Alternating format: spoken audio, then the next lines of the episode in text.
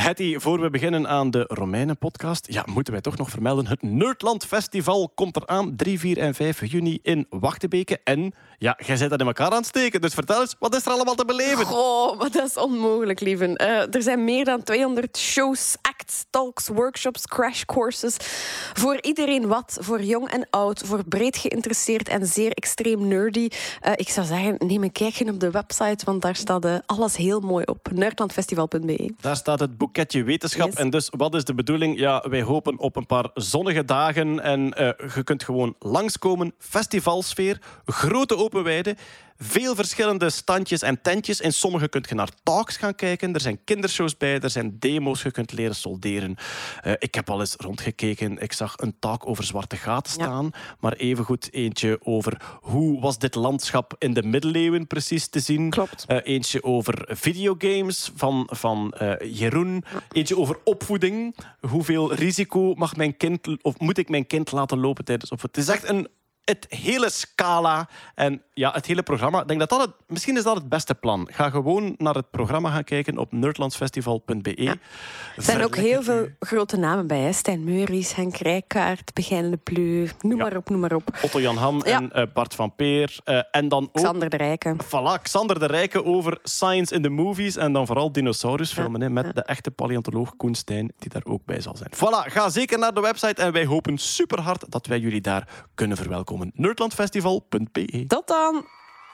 Bom, bom, bom, bom. Dit is niet wat het lijkt op het eerste gezicht. Bom, bom, bom, bom. Dit is geen nerdland, maar overzicht. Bom, bom, bom, bom. Maar wel een gratis extra aflevering. Dit is een nerdland. Special. Een aanvulling. Met uw gastheer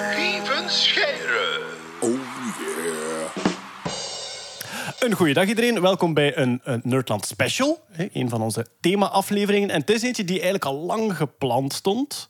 Peter, iedereen die de podcast beluistert, die weet dat jij al wel eens eh, zeer enthousiast kan doen over de Romeinen. Dat klopt. Nerd. Ik heb nog iemand in mijn onmiddellijke vriendenkring die ook wel eens zeer enthousiast kan doen over de Romeinen. En dat is Jelle de Beulen hier aanwezig. Dus alles wat je zegt, zit je zelf. Ja, dat is waar. Nerd. Nee, dat is ja, ziekelijk. Maar ik, denk, allee, ik hoop dat jullie het ook als ereterm aanvaarden. Maar de term Romeinen-nerd past wel op jullie, denk ik. Hè?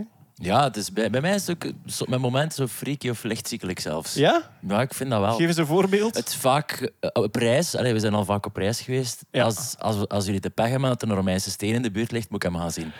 Dat is, dat is waar. Eh, ja. Of- Want we gaan, we gaan vaak naar Frankrijk en alles, alles wat er in de buurt staat van eh, Romeinse Er is van een bouwwerken. Romein aan geweest, dan moet ik dat gaan zien. Ah, maar dat is dus... Ah, wel, ik volg Jellen ook. Is het echt? Bij ons werden zelfs de vakanties zo wat ingepland van ja, we gaan daar, want daar zijn ruïnes. Dus daar wil ik zeker een keer gaan. Ik manipuleer mensen in die Ja, richting ik zonder dat ze weten. Dat is iets Ja, anders. ja, ja. Maar dus effectief, we gaan, we gaan regelmatig op vakantie met, met de vier gezinnen van neveneffecten. En dan eh, af en toe...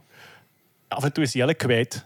En dan vraagde aan Sylvia, waar is Jelle? Dus van, ja, die is vertrokken naar een of ander klein stadje in de buurt. Dus van, ja, en wat is te gaan zien? Ja, iets wat naar Romein aan geweest is, zeker. Dat is dan echt- Ik heb, ik heb wel het geluk dat mijn vrouw ook wel een beetje eh, geïnteresseerd is in geschiedenis. Dus die krijg ik dan wel altijd mee. Maar Ja. de kinderen, dat is altijd zo van, ah, weer al. Maar ik weet ook, bij mij, mijn vrouw is dat ook. ah, weet je, Als je naar een amfitheater gaat of zo, waar gladiatoren gevochten hebben, dat is heel tastbaar en zichtbaar. Ja. Ik kan echt soms naar een steen met zo wat gras over gaan kijken. Hè. En dan denk ik, je moet niet mee. Je gaat ik moet hier heel, heel veel vertellen om het een beetje leuk te krijgen. Dus dat, En wat voel je dan bij die steen? Maar het is dan het verhaal van wat er gebeurd is? Of dat... dat is, weet je, dat is, dat is geschiedenis, dat heeft geen klote nut, maar dat is heel plezant. De, Ja. de vreugde en de, het plezier. En daar, die zijn daar geweest. Dat, er is een beschaving geweest. Ja, de, Het is de wetenschap dat informatie die mensen daar hebben gestaan. Dat, Ja, daar, ja. Dat, daar, dat daar een gemeenschap was, dat daar dingen gebeurden. En ja, Ja, enfin ja, eh, eh, heeft geschiedenis nut? Ik denk zeker van wel. ehm, maar het is voor velen van ons niet de reden waarom dat we ermee bezig zijn. Ehm, en kijk, ik zal, ik zal eventjes mijzelf ook al uit de kast komen als wat aan mijn relatie is met geschiedenis en dan de Romeinen. Mijn enthousiasme voor geschiedenis is de voorbije twee, drie jaar immens aangewakkerd door die Dan Carlin podcast. En ik heb er al een paar keer heel enthousiast over gedaan in de, in de Nerdland podcast. Want dus Dan Carlin is een, eh, een history fan, zegt hij zelf. Want hij wil zichzelf geen eh, historicus noemen, want dan moet hij veel wetenschappelijker te werk gaan. En hij wil beleving Geschiedenis over. is een wetenschap. Hè. Als, je het goed, als je het goed doet, is het echt een wetenschap. Ah, wel, en hij zegt zelf ook, ehm, eh, af en toe zegt hij... You have to ask, ask the, historian, the historians. Want hij, hij, is, hij gaat een en al over beleving, over verhaal. En ik heb van hem eh, de, de afleveringen Death Throes of the, of the Republic gehoord. Eigenlijk de overgang van ehm, de republiek naar het keizerrijk. Eh, eh, ja, Julius Caesar eigenlijk. Hè, en, en, en Augustus daarna. En oké, ik heb dus, ehm laten we zeggen, tien jaar geschiedenislessen gehad op school. Ik heb twee jaar Latijn gedaan. En ik heb pas een beeld gekregen, vind ik zelf, ik heb pas een beeld gekregen van... En, en dan, nog, dan nog maar een beginnetje, hè, maar een beginnetje van eh, Romeinse... eh, De psychologie van de machthebbers toen, het politieke spel, de militaire bewegingen. Voor mij, voordat ik luisterde naar die Dan Carlin-podcasts, en dat is ook mijn eigen schuld, maar voordat ik daar naar begon te luisteren, was voor mij geschiedenis en Romeinse tijd iets heel sec. En ging dat over namen van machthebbers en jaartallen. En toen gebeurde dat en toen gebeurde Maar dat. zo werd, het, zo werd het dan vroeger ook gegeven. Hè? En wat ik eigenlijk nu het interessante vind in, in de afgelopen jaren, die evolutie die, die voor mij persoonlijk dan is geweest, is je, je leest tegenwoordig ehm, oké, al die nieuwe publicaties die uitkomen. En je merkt dat het beeld of de manier waarop ehm, aan geschiedenis wordt gedaan, dat, zeker naar Romeinen toe, ik weet niet of jij dat ook vindt, Jelle, maar ehm, voor mij is dat volledig veranderd. Vroeger was dat zo een ideaalbeeld. Zo, de Romeinen, dat waren de groei en de Galliërs. Ja, Ah, en de ja, Germanen, zo. Dat Ja. waren de diamantantrikken die de Romeinen de hele tijd zaten lastig te vallen met opstanden en wat is dat allemaal. Het was een soort idolatrie eigenlijk. Ja, en je merkt, en ik, ik heb dat onlangs nog ergens gelezen in een boek. En ik denk dat zelfs Dan Carlin daar ook een opmerking over gemaakt heeft. Van, dat was vroeger zo de manier waarop eh, de Romeinen werden bekeken, ook door de, de echte eh, historici. Ja. De academische kant ook. Ja, Ja. dus zo van, 19e oké, eeuwse visie Ja, op de zo vooral die Romeinen, 19e ja. eeuwse visie, klopt. En nu is dat helemaal ge- ge- gewisseld. Daar, daar wordt veel meer gekeken naar van... Oké, hoe leeft een gewone Romein? Wat, wat doen die? Ja. Hè, daar is bijvoorbeeld een Nederlandse onderzoekster... die niks anders heeft gedaan dan alleen maar Romeinse wc's bestudeerd. En ik vind dat, ik vind dat ongelooflijk boeiend dat je je daarmee kunt bezighouden. Van de week zag ik ergens een documentaire, ik denk dat op Canvas was. Dat was iemand die hield zich bezig met ziekten en epidemieën in het Romeins Rijk. En dan gaat dat over de hygiëne in badhuizen. Dan denk ik van, ah ja, natuurlijk, dat klinkt allemaal heel logisch. Ja. Maar vroeger was dat, wat krijg je in school? Dan krijg je inderdaad datums en, en veldslagen en, en, en heel die geopolitiek. En- Heel schematische geschiedenis. Ja, en en Ja, dat is- kaarten gewoon. Kaarten, met Kaarten, pijlen hè, en dan kaarten denk ik, en laat mij gerust. Hè, ja. ja, Ja, wel, en Dan Carlin heeft het ooit, en ik ga, ik ga stoppen met, met dwepen met Dan Carlin, hè, maar hij, heeft het, o- hij heeft het ooit omschreven als eh, de, de, in de geschiedenis ziet hij ergens, en ik denk dat net, net voor de persen is, ziet hij in de geschiedschrijving, dus echt de bronnen van toen, noemt hij het de overgang van zwart-wit tv naar kleuren-tv. En met zwart-wit tv bedoelt hij eigenlijk bijna administratieve verslagen van eh, deze veldheer is met zoveel soldaten naar daar getrokken, heeft dat veroverd enzovoort.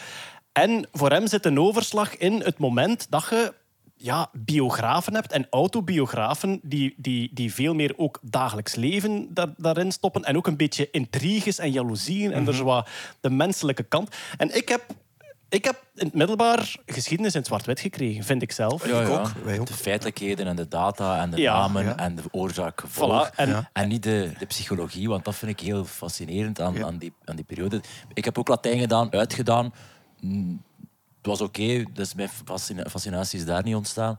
Eh, pas bij de HBO-reeks Rome, terug besef van, oh wacht een keer, maar ja, omdat dan, maar dat is het eigenlijk, hè, geschiedenis gekregen, Ja. feitelijk en factual. En nu dan in plots kleur. het verhaal. Dus jij bent ook een fan van de serie? Ongelooflijk. Ah, en van kijk, die voilà. periode, specifiek die periode, Ja, dat ja. ik Dan Carlin dan in. Death Throes of the Republic beschrijft.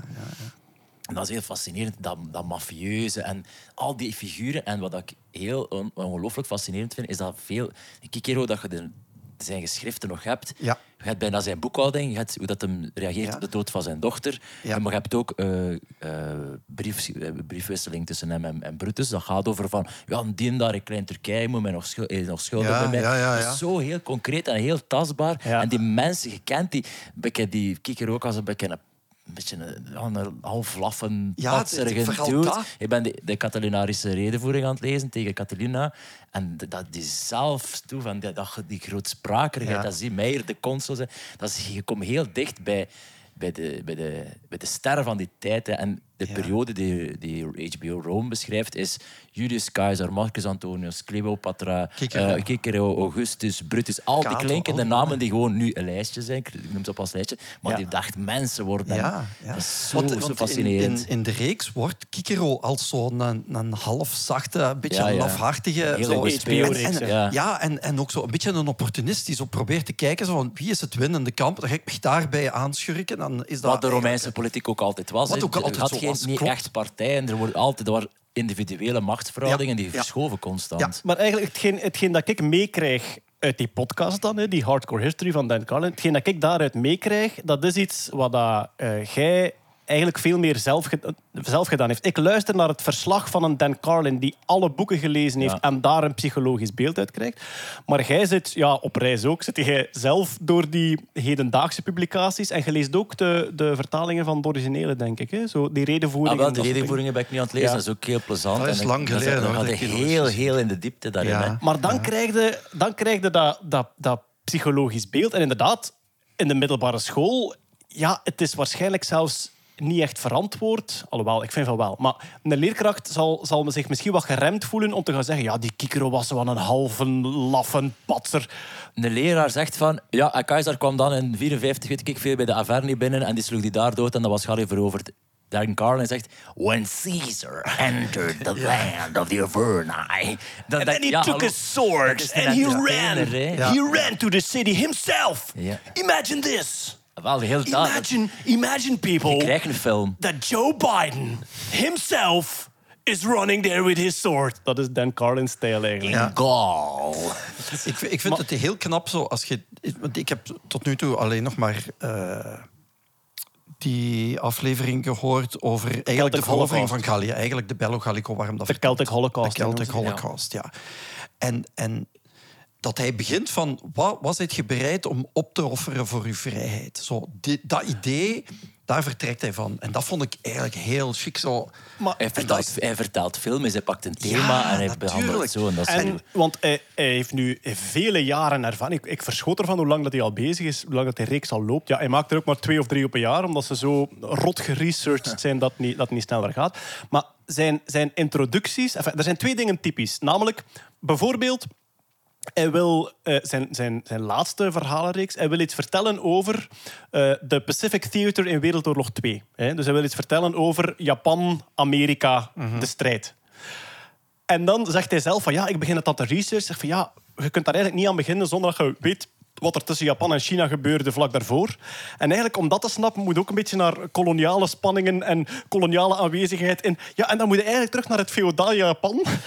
dus dan, alleen maar voor Wereldoorlog 2, begint hij zijn eerste aflevering met de samurai en de, de eermaatschappij. Dus dat doet hij typisch, maar zijn intro's zijn inderdaad geniaal. En dus bij, bij de Celtic Holocaust begint hij over...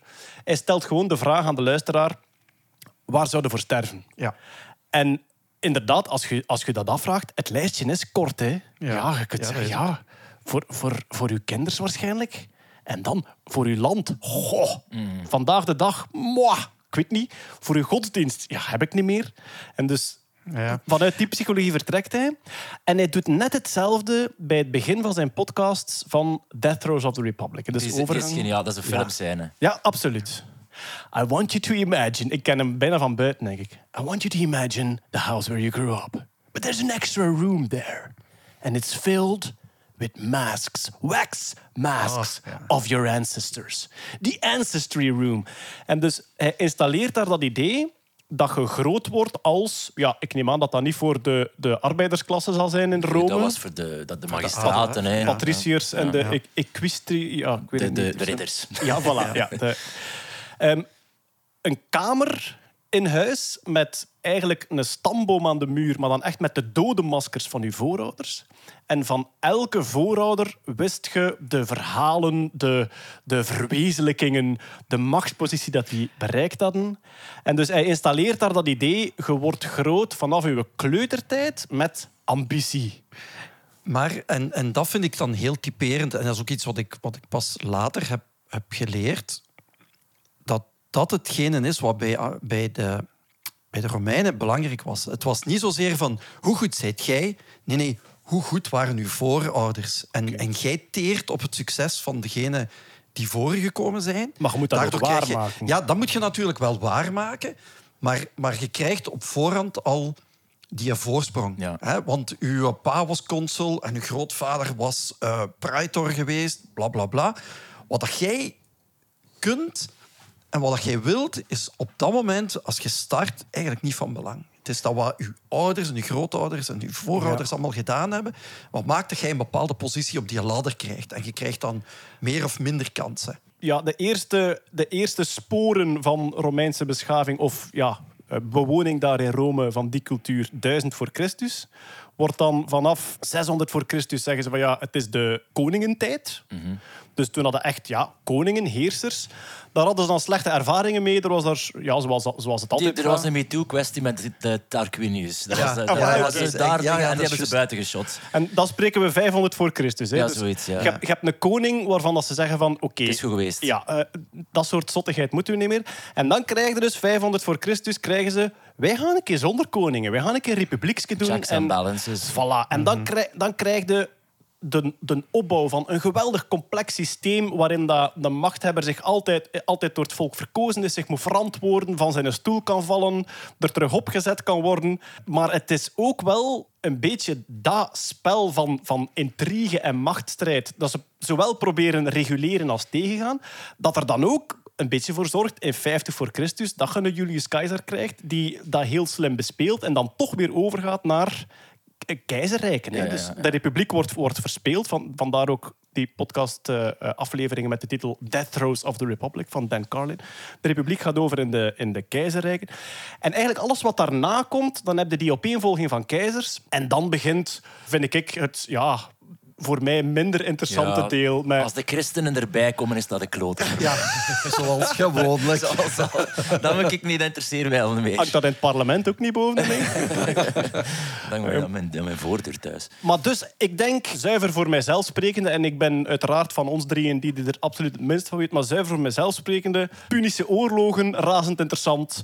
Overgang van republiek naar keizerrijk, razend interessant. En alles wat daartussen zit. En ervoor en daarna is voor mij niet, niet de kern van de zaak. Wa- Ik heb, Bij mij is het 100 voor 100 na. Dat is eigenlijk 100 voor Christus, Wanneer dat, Christus. dat het echt het geklooi begint, waar dat je de, de, de Gracchi die worden vermoord. Ja, eh, je Marius en Sulla, Ja, Marius ja. Sulla, waarbij heel de burgeroorlog ontstaat. en Waar je Ja. voelt van dat systeem is zodanig groot aan het worden. Je, je- je kunt dat niet meer aan. Nee. En het systeem is eigenlijk zelfvernietigend door inderdaad die vooroudermaskers die daar hangen, die gierende ambitie van die mensen. Maar je, moet, je, je wordt gepusht psychologisch van als je kind zit van Ja.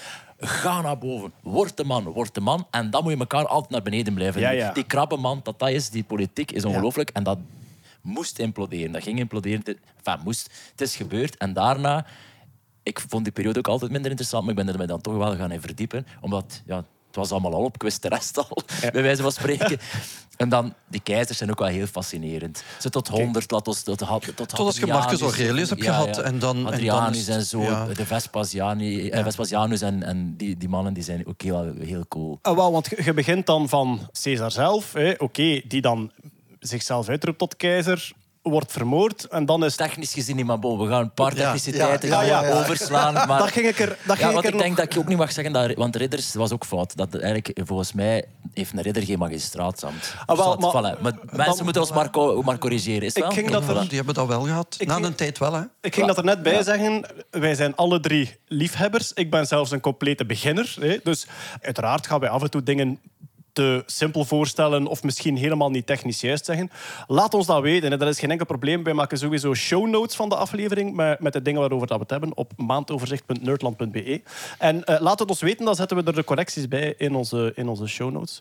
Ehm, ja, want het ging nu over de... de Ridders, enfin, het heeft een, een betere naam dan dat. Maar je hebt dan... Equitas zeker is het, Ja, eh? denk het? Equitas, ja, ja, ja. Dus je hebt eigenlijk de, de patriciërs, de vroegere grondbezitters. Ja, en dat, was de, dat waren de senatoren dan, Ja, hè. voilà. En dan de, de, De adel eigenlijk, De ja. equites. Ik denk dat, dat Caesar daartoe behoorde. Nee. Nee? Keizer was, was, een, was, een, was een echte eh patriciër. Ja. Hij was, Ja, ja, hij was van adel, hij was van verarmde adel, eh, keizer. Ah ja, maar dus de, de equites volgens dat ik het beschreven gehoord heb, voilà, dat, wa- Ja. dat was de handel. De hoge middenstand. Dus de, de- ja. De, ja, de mensen die handel drijven Ja. en die kopen en verkopen. En de patriciërs keken daarop neer, want zij vonden dat echte rijkdom uit grondbezit Ja, kwam. en senatoren mochten officieel ook geen handel drijven. Ah ja, voilà. Dus echte rijkdom kwam uit grondbezit en zo dat handelen, dat was dan eigenlijk ja, de, de rijke middenklasse. Een beetje, Ja. Maar een beetje gelijk dat je het nu ziet in de wereld. De, het, het grote geld dat vroeger bij de, de adel en misschien de industriëlen zat, is nu bij de start-ups, eh, de, de rijkste mensen van de wereld, komen niet uit rijke afstamming. Hè. Die, Nee. die, hebben zo, ja, die hebben het zelf eh, een beetje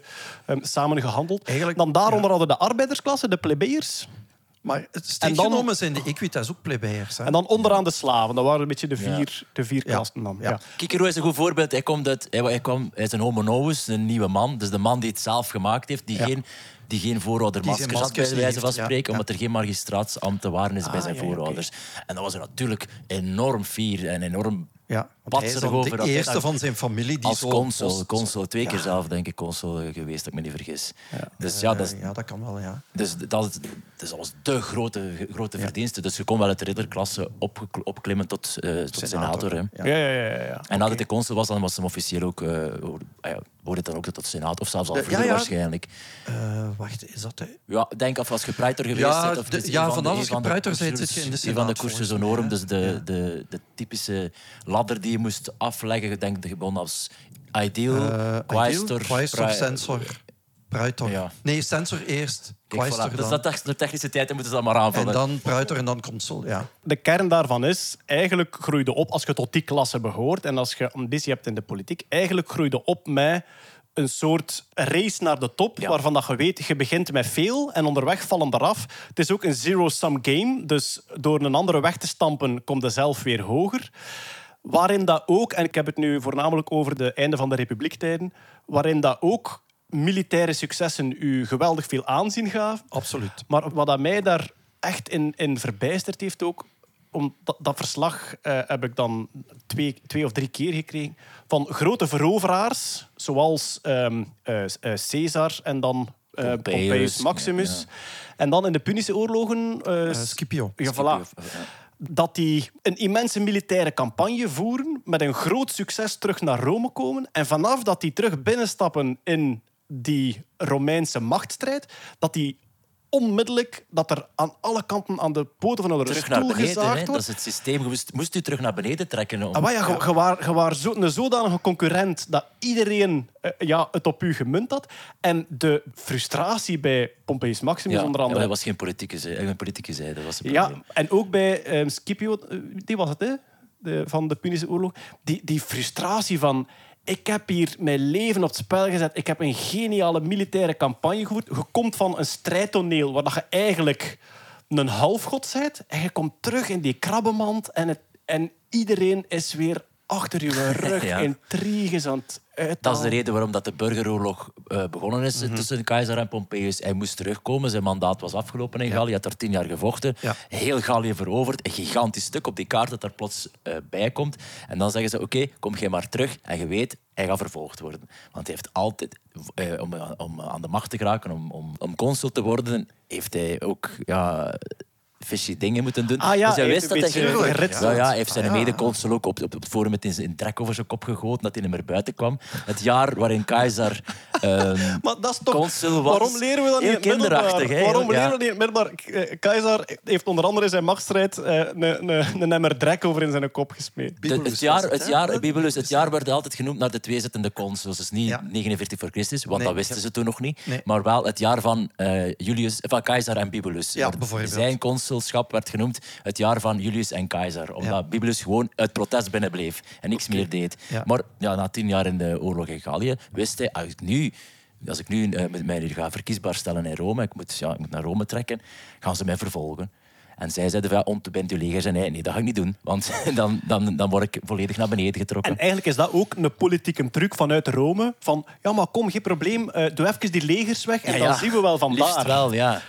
Dus, Dan geef je macht af en je mocht dan consul worden hoor. Nee, ain't gonna happen. En dat Ja. wist hij ook, hè. En dus, er was toen een verbod om met uw leger over eh, de Rubicon te Ja. komen. Vanaf dat je dat gebied binnenkwam, werd eigenlijk beschouwd als staatsvijand dan, denk ik. Als je, ja, dat is Ja. de staatsgreep. Hè. En dus vandaar de moment, dus hij, hij zit met zijn leger aan de Rubicon en hij beslist dan van, ik ga erover. En vanaf dan heeft hij eigenlijk beslist, vanaf nu moet ik het manu militari doen, want eh, in legale verkiezingen heb ik, nu, heb ik mijzelf nu als vijand gemaakt. Door met mijn leger dit gebied Je binnen hebt Rome aangevallen, basically. Ja. Als je over die rivier gaat, dan Ja. is het gedaan. Hè. Oké, en vandaar Cross the Rubicon. Alia Jacta Est Ja. was ook daar. Hè, dat, hij- Dat is Dat Ja, was ja, daar, ja. voilà, ja, oké.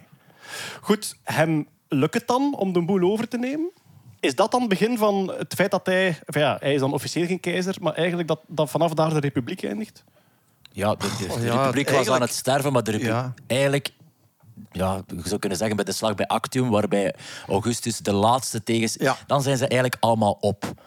De Marcus Antonius wordt, wordt eh, die pleegt zelfmoord eigenlijk verslagen samen met Cleopatra. En dan staat Augustus nog alleen. En dan is het van, hè, hè, ze zijn allemaal op. Er is gewoon niemand meer dat hem ik nog kan weerstaan. Dus hij Dus, bleef alleen ja. over. Dat zou je kunnen zeggen, dat is het begin... Echte einde van Ah, de Oké, dan hebben we het over de machtsstrijd nadat Caesar dood is. Ja, ja, ja, ja, ja. Omdat er dan nog altijd de illusie was, wat dat je achteraf beschouwt, weet dat niet, niet klopte, dat de illusie was van oké, de moordenaars van Keizer gaan de republiek herstellen. Ja. Maar dat was eigenlijk nog een beetje... eh, Ja, dat, was, dat heeft dan nog lang geduurd, dat, dat, dat dan de, de aanhangers van Keizer tegen, tegen de aanhangers van Marcus van Antonius Brutus, onder andere. Ja. Hè, Ja, was dan, Marcus hè, was dan Antonius, een van zijn generaals. Ja. En dus dat dan nog een hele gra- grote onderlinge strijd ge- ge- geweest. En waar dan uiteindelijk na heel veel smerige bloedvergieten, pr- proscripties, waar dat mensen ook gewoon ter dood werden veroordeeld. Van kap die zijn kop af en toon hem mij. en krijgde hè? zijn huis lijsten van lijstjes mensen opgehangen die dood van de moesten. die en de die en die, die moet eraan. Hè. Maar zodanig erg zelf, dat, dat was dan Lepidus, eh Augustus heette toch niet Augustus, dat was eh, Octavianus Eh, of Octavius. Eh, en, en Marcus Antonius, hun Ja, Marcus driemanschap. Antonius was het. En zij die onderling zeggen, ik, ik wil een din dood, jij een din dood. En ik geloof zelf dat er iemand zijn broer heeft opgegeven voor een proscriptie. Ja, ja, ja. Dat is zo waanzin. Maar, was, was er ook niet, want vlak voor Caesar hadden ook al een beetje machtsstrijd. En toen was het ook een beetje, de macht wisselde constant. En als het dan bij de tegenpartij lag, dan werd jij vervolgd of vermoord zelfs en omgekeerd. Dat was, dat eh, was voortdurend Bij wel. Sulla en Marius, die, die burgeroorlog, daar had ook proscriptielijsten. Dat Die zijn er daarmee begonnen, Die zijn daarmee hè? begonnen. Die hebben lijsten van, die moeten eraan. Echt heel mafieuze toestanden. Wie was die uberrijke half maffia-man? van- Crassus. Crassus, Crassus, ja. voilà. Want dat was het ook een beetje... Dat, het wisselde dan. En ook het vilijnen van die vijandschappen, dat die ook als ze dan uiteindelijk na geleden te hebben onder een vijandelijke klant aan de macht komen, dat die de botten laten opgraven om ze nog een keer te laten vermorzelen en wegsmijten. Dat was Sulla, ja. ja. Dat is inderdaad... Die Crassus wordt, wordt heel schoon voorgesteld door Dan Carlin ook als inderdaad eh, angstwekkend rijk voor zijn concurrenten. Angstwekkend rijk, omdat ze ja, dachten dat geld, daar kunnen wij nooit tegenop. En die wordt ook zo wat voorgesteld als eigenlijk een beetje de maffiadom. Die zo wel aan ja, wat hij voortdurend doet, is geld lenen aan iedereen. Hij heeft Ah, ook ja. geld geleend aan Keizer Ja. om die verkiezingscampagnes te betalen. Wat maakt dat Crassus bijna heel Rome schatplichtig aan hem maakt. Oh, heerlijk. En, en dus een van de redenen waarom dat keizer naar Gallië is vertrokken, is om daar zoveel mogelijk dingen te roven en met heel dat geld zijn schulden terug te kunnen betalen. Ja. Aan Crassus onder andere. Ja. Maar Crassus moest niet altijd die terugbetaling in natura hebben. Dus dat ging ook over zaakjes van oké, you scratch, eh, I scratch your back, you scratch mine. Hè. Dus dat Echt- soort dingen. Hè. Echt een beetje The Godfather. Maar ja, One day you will do a favor ja, ja, for me. ja, dat, Hij had ook een hele over. interessante man, eh, businessmodel. Hij had een brandweer opgericht. Ja. Waarbij Ah, dat was dan- Crassus Dat was Ja, ja, dat Crassus. was dus Crassus, mensen, eh, hun huis stond in brand. En dan zei hij, hier is mijn brandweer, professionele brandweer. Maar weet je, huis aan mij op, dat moment, op het moment dat het in brand staat. Anders het an- toch niet meer als veel waard, Als, hè? als, ik het, als ik het niet, niet blus, is het weg. Dan heb je nul. En als je het mij nu verkoopt aan bodemprijzen, Ja. zal ik het wel blussen en kan ik het oververkopen. My Dat is, ja, dat ja, is maffia. Ja. Dat is maffia. Ja, ja. Wat, Stak hij het zelf in brand ook, of niet? Wow, dat werd gefluisterd. Ja. Weet je, laat ons gewoon ja zeggen waarschijnlijk. Hè. Maar ik, ik wil dat nu even naar, naar eh, de dag van vandaag brengen. Dus oké, je hebt een huis staan. Je huis kost pakt 250.000 euro. Hè. Er komt, eh, opeens schiet dat in brand. Er bestaat geen officiële brandweer. Maar er is, een of andere, er is een of andere rijken Ja. die komt plotseling met zijn privébrandweer en die zegt... Zeg, als je mij dat huis even verkoopt voor 50.000 euro, hè, dan, dan heb je nog het. iets. Anders is het niet. Anders is het niet. Je verkoopt je huis voor 50.000 euro, hij blust het. Hij heeft, wel, hem. hij heeft wel herstellingskosten en hij, hij- het is van hem eigenlijk. Goeie businessmodel, toch? Ja. Waarom hebben wij nu nog een officiële brandweer? Dat is toch spijtig dat we echt rijk kunnen worden. Ja, omdat, we- omdat we nu hopelijk in de republiekfase zitten, waar dat allemaal een beetje enfin, ja, eh, geregeld is. De indruk die ik had van jullie twee als Romeinen-nerds in mijn onmiddellijke omgeving is, en het gaat waarschijnlijk te simplistisch voorgesteld zijn, maar Jelle, dat jij vooral met politiek, eh, intrigue en ehm, ja, militair zijn jullie alle twee niet heel erg, denk ik. Van u, Peter, hoor ik vaak het grootste enthousiasme over dagelijks leven Ja, ja, absoluut. als er in Pompeii iets ontdekt wordt dat Ja. iets prijsgeeft over hoe de gewone Romein doorheen zijn dinsdag ging, dan ben jij vrij Ja, enthousiast. ja, absoluut. Mijn interesse voor Romeinen is begonnen met het Romeins leger. En oké, dan heel de geopolitieke en zo, heel die geschiedenis en, en al, die, al die personen die daarin voorkomen, dat evenzeer. En bij het leger dan, welke wapens hadden ze, welke harnas? Ja, en hoe, hoe, werd werken dat opgesteld? tactieken en, Ja, ja. En, en dat soort dingen. Maar, maar gaandeweg, met dat ik ouder werd, is mijn interesse een beetje verschoven naar van... Ja, oké, wat is het, eh, hoe, komt, hoe komt elke Romein zijn, eh, zijn dagdagelijkse dingen, zijn, zijn dagdagelijkse beslommeringen door? Ja. Vandaar dat, als het over toiletten gaat, dat je onmiddellijk denkt... Ja, Wat ik een van, de, een van de knapste dingen vind, hè, dus aan, aan de muur van Adrianus, dus een aantal jaren terug al die brieven gevonden. Van gewoon, dat gaat over brieven aan familie, hè, waarbij de familie dan regelmatig zo van die koffers opstuurt met voorraden en eten en de hele boel. Van ja, de volgende keer moet je toch eens extra kousen meegeven, want het godverdomme, het is hier toch wel koud. Dat is heel in fascinerend. Ja. En dan gaat dat over, over brieven aan officieren voor... Ja, ik wil een keer extra verlof, want ik wil mijn familie bezoeken. Er is ergens een dood gegaan. En, allee, dat soort dingen, dat vind ik enorm boeiend. En de geschiedenis, eh, denk ik toch, is ook meer geshift. Dus de academische geschiedkundige studies zijn ook meer gefocust op dat soort dingen. Veel meer dan vroeger was het ah ja, alleen de grote namen en, en, en, en eh, die, die knappe ruïnes van, van tempels en, en forten en wat is het allemaal. Maar nu gaan ze echt gaan kijken, hoe is een Romein, hoe gaat hij kakken en waar gaat hij zich wassen? En wat, ja, maar ja, en ik vind dat, ik vind dat wel knap. Ik herinner me één momentje dat de flonker in uw ogen eh, hel was toen er in Pompeii een snackbar ontdekt Ja, werd. ja. Maar ja. dus echt gewoon... Maar, maar ja, heel goed bewaarde. want mooi, hele wisten mooie schilderingen ook. hè. Ja, ja, ja, met die- mooi. dat- Prachtig, dat Ja, geel. dat is heel- toch- Maar ook schilderingen, was dat er dan op? Welke tafereelen stonden Dat erop? zijn heel, eh, vaak mythe- mythologische voorstellingen. Ja. hè. Heel populaire Ik denk mythes. dat er of zoiets op stond. hè. Ik Ja, weet het niet meer, wat- Alle, ik weet het ja, ook niet van de, eigenlijk de sprookjes van een tijd, zo, hè. de Ja. mythes en de goden, eh, worden veel voorgesteld Ja. daar. Hè. Het is eigenlijk alsof dat je bij ons een frietkot binnenkomt en er hangt een poster van Game of Thrones of, of, of weet ik veel. Ja, zoiets. Ja, maar wel veel klassevoller, want dat, dat zijn vakmannen die daar hele vrij, Ja, ja. vrij goede schilderijen op zo, Ja, in, ja, in, in, de, in de kalk daar gaan, gaan Ja. schilderen. Dat is Of als wel je, als je gaat hoor. kijken naar de mozaïeken bijvoorbeeld. Ja. hè, dat, dat zijn, dat zijn mozaïeken die eruit zien alsof ze gewoon het eten op de vloer hebben laten liggen. Hè. Dus korsten brood en, en afgekloven appels en zo. Die uitgebeeld worden in In scherfjes. de mozaïek, op de vloer. Er is er ergens een, ik weet niet meer waar. Ik denk dat het in. Vatima- Vaticaanse musea ligt. En dat Ja, ja, maar het is niet vanuit als deze Pompeii. Het is ergens Ja. anders dat ze hem gevonden hebben. Maar dat is echt gigantisch knap om, om dat te zien. En dat zijn echt hele kleine steentjes. Dus die details zijn vrij goed. Ja. Dat vind ik echt heel mooi. Ja, handenarbeid was ook goedkoop met slaven Ah, ja, natuurlijk. Ja, ja. Laat dat nu een keer een vakman doen. Ja. Dat gaat kosten hoor. Ah, wel ja, je kunt het beter dan zelf doen. Het is dat. Zo'n snackbar, wat, le- wat leerde daaruit of welk beeld vormt jij je daarbij? Even, want hoe zag het eruit? Als ik me niet vergis, het was een soort... Een L-vormige toog. Ja, een. L-vormige toog. Ja. En daarin allemaal eigenlijk komvormige uitsparingen, waarin dan een kom gezet werd waarschijnlijk. En dan is Ja, dat... dan werd het eten warm gehouden. Hè. Dus daar lag dan ook een deksel op waarschijnlijk. En Ah, ja. dan kon je daar dus... Ja, en met die snackbars, het is zo een beetje dubbel.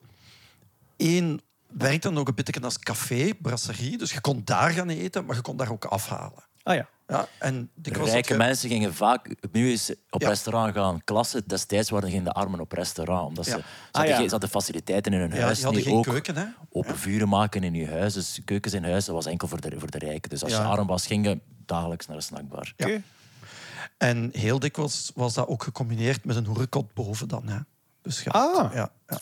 Wat weten we over de zeden Daar was geen christelijke moraal. Hè. Er was, er was eigenlijk maar de Romeinen waren nogal vrij preuts, hè? officieel. hè. Ja, officieel. Maar Officieel waren ze zeer preuts. Maar, Ah, oké, maar is, is dan ook zo van ehm, voor het oog van de straat moet alles heel erg. Want Nee, dat was minder, denk ik. Heb jij beelden van Priapus met een, met een penis van twee meter die, eh, die Ja. op, eh, Gewoon op de muur muur geschilderd geschilderd, wordt? Dus op dat vlak lichamelijk niet preuts, maar Ja. uw, de seksualiteit was wel aan ook, ook, like in elke cultuur aan een conventie eh, Ja. verbonden. En politici onderling konden elkaar ook wel eh, vaak verwijten op... Ja. Je, zei, je moet een vent zijn en je moet controle hebben over je, over je lijf en over je, over je gedachten. Ja. En, dat, dat, en dat, dat geldt ook in de seksualiteit. En je Ja. mocht jij domineren. Je mocht homo zijn, maar je mocht, als, je mocht je niet laten pakken door, door een andere man. Ah ja, dus- Je mocht dat zeggen, je mocht domineren. Je mocht een slaaf en... en, en Jij en- mocht penetreren, maar je mocht niet gepenetreerd worden. Ah, ja, dat, was, oké. dat was not. Dus Dus het dat, ging meer over de moraal. de- de, de- dominante Romein. dominante positie Ja. in, in, de, in de seksualiteit was belangrijker dan geaardheid. Of, Dat kenden ze ook niet geaardheid. Ah, eigenlijk, oké. Dan liep wat door elkaar. Maar bijvoorbeeld eh Hoerekotte, die maakte eh, reclame voor de verschillende faciliteiten gewoon aan de buitenkant, hè, met tekeningsjes. Hè. Ah, oké. Ja. Wat er Dus de aangeboden standjes, werd. Standjes. gewoon zo, like dat je nu zo, like van die restaurants waar dat dan zo foto's van frieten en van kebabnagen, hadden zij daar zo... Ah, het was wat nuf, dat moet ik hebben. Een, een mozaïek met dan een bedrag erbij waarschijnlijk. Ja. Ja. Oké. Maar dat kon wel. Het is niet dat daar... eh, dat was heel gewoon ook. Daar werd, daar werd eigenlijk niet zo moeilijk over gedaan. Maar aan de andere kant, zo naar, gelijk wat Jelle zegt, politiek gezien waren ze dan heel preuts. Het, het, het was wel de mannelijkheid en je moet controle hebben, zo, maar ja, ik herinner, mij naaktheid dat, in de openbare naaktheid was minder een probleem. Zo ik herinner mij dat Caesar heel vroeg in zijn carrière... eh, dat er ooit een minnaar van zijn vrouw betrapt is in hun huis. Ja. En dat werd dan geweldig tegen hem gebruikt om hem een beetje schakmat te zetten. Uw vrouw die u bedroog, dat, dat was gezichtsverlies. Hij zei preventief tegen zijn vrouw van, moet niet weten, het is gedaan, want ik wil, ik wil zelf niet onder verdenking ervan geplaatst Ah, ja. worden. Maar Dat ja, dat was heeft hij haar buiten Maar gegooid. daar is, ook, daar is toch iets geweest waarbij... Er is een Romeins feest dat enkel voor vrouwen was. Ah, wel, dat was van de, ja. Bonade- de rites van Bonadea, waar geen mannen Bonadea, mochten ja. aanwezig zijn. En, ja, en daar is er dan ene ja. binnengedrongen. Claudius, een van de ja. van, van eh Cicero. En, en dat straalde, want zij was dan de gastvrouw van dat feest. En, En hij vroeg specifiek naar haar ook. Ja, maar er is niks gebeurd. Maar de vrouw van Keizer moest boven elke verdenking Dat staan. En daardoor is zij ja. van haar gescheiden. Maar dat was dan zijn een truc. Want eigenlijk dachten ze, we gaan hem hier schaakmat zetten. Want hij kan ze niks doen, want er is niks gebeurd. Maar wij kunnen hem wel aanvallen, want er was een minnaar van zijn vrouw in huis. En hij heeft het dan blijkbaar eh, op een soort geniale manier gespind door te zeggen, ook al is er niks gebeurd, ze moet, de vrouw van Keizer moet boven elke Dat is verdenking het. En staan. ook, ja, Ja. weet je, die gasten hadden ook altijd om de zoveel tijd ook wel een keer van vrouw veranderen als dat politiek interessanter was. Hè. Ja, ja. Nu, Keizer die had ook niet altijd zo nauw met zijn zeden, zal ik zeggen. Want daar werden dus spotnummertjes over gezongen. Hè. Is het echt? Ja, ja. Tijdens Zijn de triomftochten eh, is er een van eh, eh, mannen steek uw vrouwen binnen de kale neuker is daar. Iets in die trant, ja. Ja, ja. En wat was hij ook weer? De, de, de, de hij was dan koning van dit en dit, maar hij was dan de koningin voor andere koningen. Hè? Ja, Dat is ja, Juist. Hij zou dan... ja, eh, heeft er een was tijd, heeft een tijd bij een andere koning... de koning van Pontus, denk ik. Ja, en ik denk dat de Nicomedes, koning van Pontus. denk ik, of zo. En daar Ja. werd dan gezegd dat keizer zijn lichaam had gegeven aan Ja, ja, ja, ja, een ja. buitenlandse koning. Wat er natuurlijk, eh, en daar was hij ook heel pist over, over die, Ja, over over die insinuaties. Ja, ja, daar was hij heel zo goed mee kwaad lachen, over. Maar dan mochten de soldaten tijdens een triomftocht hebben, mochten er wel allusies op maken. Ja, keer. maar dat was de gewoonte, hè? Ja, ja, ja, dus de dat soldaten maakten tijdens een triomftocht altijd schunnige nummers over hun generaal. Eender of dat nu keizer of een andere was, hè? Dat, dat, werd, dat was traditie. Want dat was de enige keer, trouwens, dat je met een leger binnen de stad mocht. Je, Ja. je, mocht, je mocht dus nooit met militairen de stad Maar binnen. die, die triomftocht had een immense functie in Ja, het is- maatschappelijk... Dat was, ook, dat was eigenlijk de grootste eer. De toestemming krijgen voor een triomftocht, dat was iets ongelooflijk. Ja. En daarvoor moest je dan buiten de stad blijven. Dus je moest in de voorbereidingen naar die triomftocht moest je buiten de stad blijven tot op het moment dat die triomftocht begon. En dat was dan keizer zijn probleem.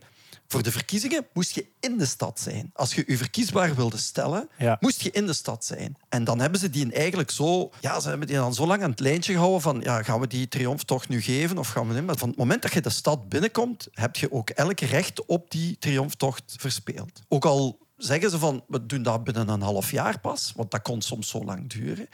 Van het moment dat je binnen de stad komt, is het gedaan. Dus Keizer zit, want we zitten nu terug aan, aan, de, aan de Rubicon. Hè. Dus Keizer komt met zijn leger. Het is ervoor al, denk ik. Hè? De- ja, wacht, wanneer is dat eigenlijk? De eerste keer dat hij terugkomt, maar hij heeft twee veldtochten in Gallië gedaan. Hè?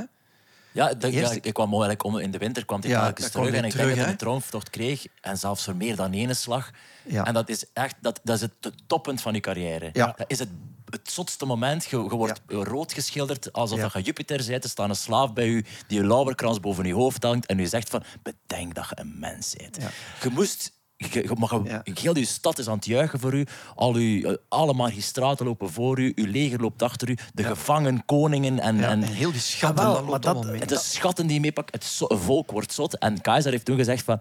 Ah, het is dan goed, kan ik dan geen triomftocht doen en ik ga consul worden. Ja. Oké, Ja, ja. omdat hij hogere ambities had. En, Ja, ja, ja. voilà, en dan is Lange termijnvisie. Ja. Ah, wel, maar dat, dat is ook iets dat, dat nieuw was voor mij. Dus tijdens de triomftocht werden natuurlijk de schatten getoond, maar ook de gevangen koningen. Hè? Dus ja, de, de, de, de verslagen soldaten die waren ofwel direct slaven ofwel eh, eh, doodgeslaan.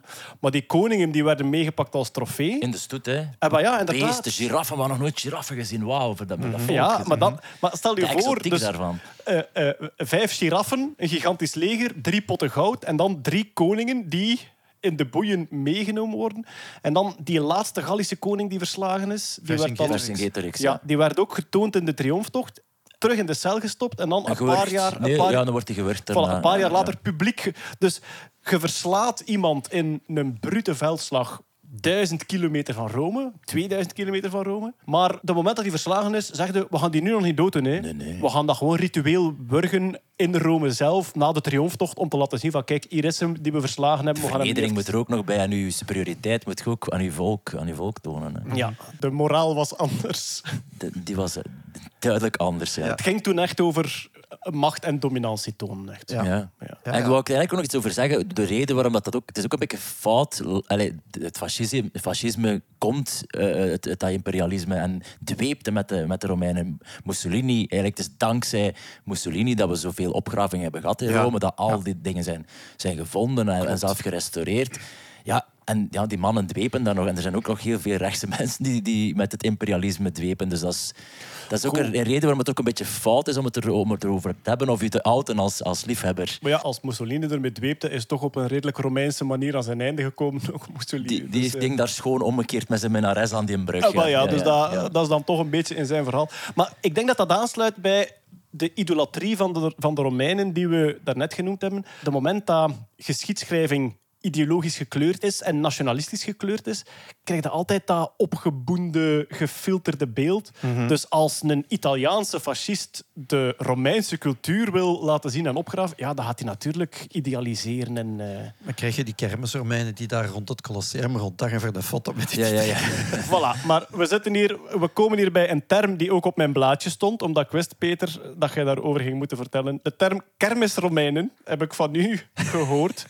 Eh, misschien voor de duidelijkheid, jij doet ook reenactments. Nee, ik soms. doe nooit Nee? Nee. Maar je bent wel gaan kijken naar reenactments. Ja, Ah, oké, ja, ja, dus je gaat naar een soort als festival, krijg... festival ja, van ja. Romeinenfans. Zelf doe je geen reenactment, maar je bekijkt wish ze daar wel.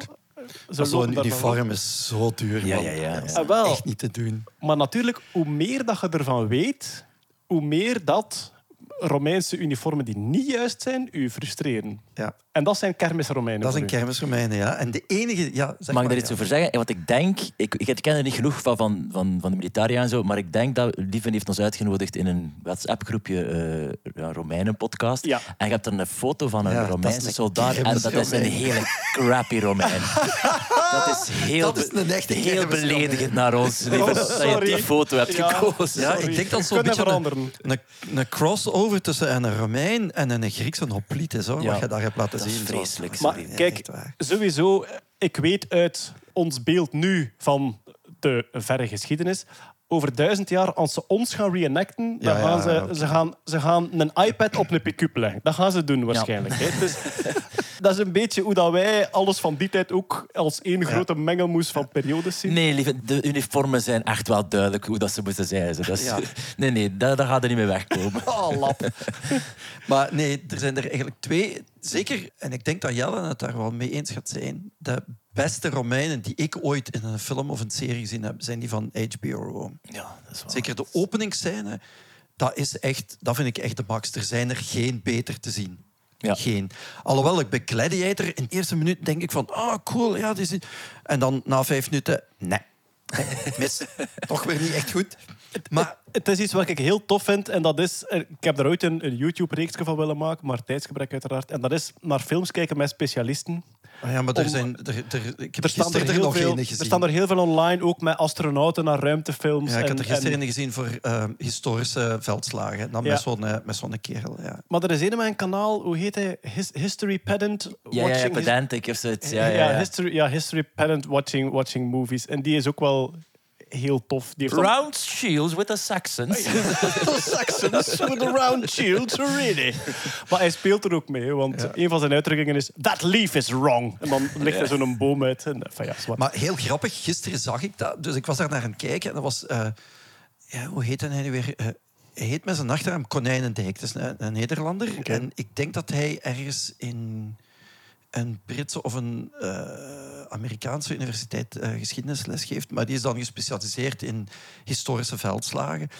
En dan zie je zo op een bepaald moment... Dus, ik denk dat het Alexander is. eh, de film Alexander. En dan zie je die, die, die Grieken aangestormd komen. Zo, en dan in één keer zie je een van die figuranten die valt. en die kerel zegt, zit je, dat is wat je nu krijgt. Niemand loopt in een phalanx. Dat doet je niet, want je gaat vallen. Die lopen als je oversteekt ook niet. Dat is echt heel... Ik dacht, ah ja, dat is waar. Dat is echt heel grappig. Zie wat je krijgt. Oh, Ik heb het gezegd, hè. Dat is echt dat. Hij zegt, ja, zie je, zie je wat je krijgt? Waar we het eigenlijk al een paar keer over gehad hebben, dat is het vogelperspectief van de geschiedenis, met grote periodes en machthebbers. En, laat ons zeggen, de haarvaten van de geschiedenis, Ja, het ja. dagelijkse leven. Maar dat vind ik juist het, het knappe eraan. En wel, en waar dat... Dus Dan Carlin is vooral een militaire enthousiasteling, maar hij vertelt veel breder dan dat. Maar hij probeert ook in dat militaire in de haarvaten te gaan. Want hij zegt van ja, we hebben van veel van die veldslagen hebben we verslagen van de bewegingen en de flanken doen dit en de cavalerie doet dat. Maar hij zegt zelf ook altijd een teletijdmachine die u even gewoon een beeld geeft van op welke manier dat er man tegen man gevochten werd. Ja, je staat elkaar de kop in te slaan, maar hoe gaat dat? Er zijn blijkbaar wel verslagen van eh, de gigantische angst bij twee legers. Allee, stel je voor, man, je staat daar de dag voor een veldslag. Je staat daar eigenlijk gewoon in je tentje. Je moet gaan slapen en je weet, morgen storm ik op een leger Kelten af en we gaan proberen van mekaars benen af te kappen, eigenlijk. Ja, het is eh, ja, vrij confronterend. Hè. Ah, wel, ja. Het is gewoon goor. Hè. De, allee, weet je, denk dan liever dat je dan toch als Romein daar in die tentje lag dan als Dat Kelt. denk, ik want... denk dat ook, ja. Alhoewel, ja... eh, Maar het was, er was ook, is ook veel beschrijving van angst, van, van dat ze wilden muiten uit angst voor de Zeker, voor de zeker in het begin dat de Romeinen met Galliërs te maken kregen. Die waren dan relatief groot. De Galliërs waren ongeveer zo groot als wij nu zijn. Maar de gemiddelde Romein was een stukje kleiner. En voor die mannen waren dat reuzen. Hè? Als, die dan, als er dan zo een- een- zo'n horde van die wilde, woeste barbaren... Met, ik weet niet ze allemaal in hun haar deden. Een kalk. en- Kalk en- en zo, en- ja, ja, naakt vechten ja, en, en die komen dan zo op hè. afgestormd. Dan denk je van, oké, maar die schilder toch maar iets ietsje dichter tegenin zetten. En ja, dat vind, ik wel, dat vind ik wel fascinerend, dat je zo dat soort dingen... En dat vind ik het schone aan reenactment. Dat geeft u ook... Want eh, mijn favorieten zijn eh, de Ermine Street Guard. Dat is een Britse reenactmentvereniging. Hoe heette ze? De Ermine, of Ermine Street Guard, ik weet niet hoe ik het moet uitspreken. En hoe, hoe schrijf je dat eerste woord? E E-R-M-I-N-E. Ik denk dat het van. Hermelijn is. Or Ermine. Oh ja, oké. Maar goed, ehm, dat zijn dus Britten. En ik denk, volgens mij zijn, zijn die gasten de top. Want die werken dan samen met, eh, met historici, met archeologen. En elke keer als er dan weer ergens iets gevonden wordt van... Oh, we hebben zo van die gespjes gevonden. Oh, we doen dat uniform, dat gaat dus zo toe. En, en dan maken die dat helemaal Oké. opnieuw. Dan passen die dat allemaal aan. Er is een nieuwe gesp ontdekt. Ja, ja, zo. eh, Maar het is een reenactment om te zien, om het beeld te hebben van zo'n aanval, wat dat je de, Ja. uit de ruiterij, als, wat dat ze altijd doen voor de, voor de toeristen of voor de toeschouwers, ze komen afgestormd met die paarden naar u, Ja. die ruiterij. En dat is... ja, dat is dan voelde, heel- dat is het tekst dat je komt bij die oh, what the fuck, man. En Ja, bijkomend, ja, die ruiters, waar. ze hebben zo maskers gevonden, de ruitermaskers. Dat zijn eigenlijk gewoon zilveren gezichten, maar die zien er freaky uit. Dat is gewoon een vent die je constant aanstaart en niet knippert. Hè. Dat is gewoon een, een- Dat is, dat, Is dat zo een wezenloos opzoeken, gezicht, Een ja? wezenloos gezicht dat naar u komt. Dat is zo beang. Je, je kunt een monstermasker maken dat niet zo beangstigend is dan dat zilveren gezicht dat naar u staart en komt afge, aftrappeld. En zo is honderden, hè, Ja, tegelijk. dat is waanzin. Je Ja. moet, die moet je een keer opzoeken, die maskers. Die zijn echt Ja. freaky. Eh, ik heb die mannen bezig gezien. Ja. En dan snap je wel dat dat niet zo simpel is als dat men dat zo doet voorkomen. Zo, de- heel die bewegingen. Een legioen, dat is ongeveer 5000 man. Je moet die dus allemaal op de juiste manier, op het juiste moment laten draaien, laten splitsen. Wat is het allemaal? En zo heb je er dan vier, vijf die je moet commanderen. Ja, eh, dat, als je dan dat ziet, dat, dat, is iets, dat is een heel ander soort kaliber als militairen nu. Dat zijn allemaal zo van die individuele units. Die hebben allemaal eh, geweer, die kunnen allemaal een vijand van, van op afstand eh, raken. Daar is het... Ja, dat is Ja, twee mensenmassa's man-to-man tegen- combat. tegenover elkaar. Hè, ja. ja, dat is close combat. Hè. Ja. Je moet die eenheden die je dan hebt, die moet je dan als, eh, als generaal zo kunnen plaatsen dat je zegt van oké, nu gaan die... Allee, Scipio was daar bijvoorbeeld een, een, een goeie in. Hè. Dus, Punische oorlogen is Ja, dat, dus ja. tegen Hannibal. Hè. Ja. Dus Hannibal zijn tactiek was 200 eerst zo van... Christus. Goed, je, gaat, je, je valt aan. En Hannibal, want ik denk dat Scipio Hannibal heeft nagedaan. Dus wat deed Hannibal? Dan, als die werd aangevallen, die liet zijn centrum naar rechter komen. Hè? En dan, denkt de vijand van, oeh, ja, ja. En dan sluit de flank. Hè? Ja, en dan ja. heb je die mannen zo in de tang. Hè? Dus Ja. Je, je valt, je- in het centrum valt een beetje terug, zodat dat het vijandig leger eigenlijk een punt vormt. En dan kun je met de zijkanten de boel ja. insluiten. En, en Scipio heeft dat gekopieerd en die heeft dat eigenlijk tegen Hannibal zelf gebruikt. Je moet dat u inbeelden dat al die mensen daar staan en je moet op een of andere manier... Je hebt geen telefoon, je hebt geen walkie-talkies. Ja. Je, je moet het met trompetblazers en hoornblazers doen, bepaalde signalen geven. En die moeten allemaal hun plaats krijgen. Dat vond ik eigenlijk wel de kracht van een, een van de, van de sterktes van het Romeins leger. Die waren zo goed gedrild. Ja. Dat die echt wilden... Oh, nu hoor ik dat. Oké, nu moeten wij allemaal tegelijk naar Ja, links. is veel repetities al vooraf gegaan. En ze waren, ja, ze waren een, een professioneel leger. Dat was ook Ah, een ja. nieuwigheid sinds Marius. Daarvoor waren dat gewoon... Kom, eh, de oogst is gedaan. Het is vechtseizoen. Ja. De boeren die Ja. het land moeten verdedigen Ja. gaan gaan vechten. Hebben we met onze rik, hebben we, we slaan erop en we zijn weer weg voor de winter. wordt eigenlijk ook genoemd in Death Rows of the Republic, in de overgang van republiek naar keizerrijk, dat een van de problemen toen was dat daarvoor de Romeinen voor zichzelf vochten. Het was uw eigen leger, bestaande uit uw zonen en de gezonde mannen die Voor uw eigen land vechten. Voor uw eigen, Voor letterlijk ja. uw, uw, uw boerenerf, bij wijze van spreken. Ja. Ja. En dus dat ze zeggen, het moment dat er een betaald leger ontstaat, geeft ook wel de kans aan de generaal om te zeggen, zeg, we hebben nu een paar successen gehad voor Rome, maar ik heb nog wat geld over en nu gaan jullie voor mij vechten en gaan we Rome Uw loyaliteit lag bij Keizer, bij uw bevelhebber. Ja. Jij mocht gaan verkrachten en, en jij krijgt jij goud en slaven. En die oude man daar in de Senaat, wel, kan mij dat schelen. Hè? Ja. Ja, ja, en je vecht ja. niet meer voor fysiek voor je eigen land. En eigenlijk letterlijk wel, want ze kregen dan na, na een diensttijd kregen ze een stuk land ook van, van, eh, Van de generaal, Van de hè. generaal. Dat is juist. de overheid, van Dat- de generaal. Dat was echt de traditie. Eh, als, als veteraan kreeg je een stuk land genoeg om in uzelf Een te boerderij op te zetten. boerderij, Ja. basically. ja. En was dat altijd in Italië of kon dat ook elders liggen? Eh, Dat kon ook elders dat- zijn. Later is dat elders. ja, Ja, dat in de veroverde landen werd dat dan Ze werd eigenlijk de, de, was de, de, wat de ager publicus, dus de, de staat had landerijen die je dan gewoon kon, Ja. kon geven aan. Maar ja, dat is ja, heel de politiek en heel de reden waarom dat er zoveel opstand was en gezeik was omdat er, omdat er gewoon heel rijke senatoren Ja. al die grond opkochten en dat dat eigenlijk hele rijke boeren waren. En de gewone boer die had gewoon niks meer te doen. Dat was, een, beetje, was een politieke inzet vaak in, op het einde van de republiek. Ja. Die, die, die openbare grond kunnen we die in plaats van het allemaal aan die... die er werd eigenlijk de vraag van, om dat af te pakken van die senatoren en, en te herverdelen Ja. onder soldaten en onder, en onder ja. volk. Maar dat was het probleem. Hè. Dus je had een leger dat eigenlijk eh, allemaal kleine boertjes waren, die dan een tijd op veldtocht waren. Maar in het dan, begin, ja. als, die dan, als die dan te lang wegbleven, dan werd... Dan, ja, die, die boerderijen werden verwaarloosd. Ja. Die gingen achteruit. En dan werden die door die rijke Die senatoren hè, opgekocht. ja, ja. Ah, oké, Ja, en dan zette die daar zo van die grote villa's op met een hele hoop slaven. En dan krijg je dus ja, industriële landbouw bijna. Hele goede kopen, want die boeren die deden dat, die, eh, dat, dat werd niet met, eh, met betaalde werkkrachten gedaan, Ja, met slaven. hè. ja, voilà.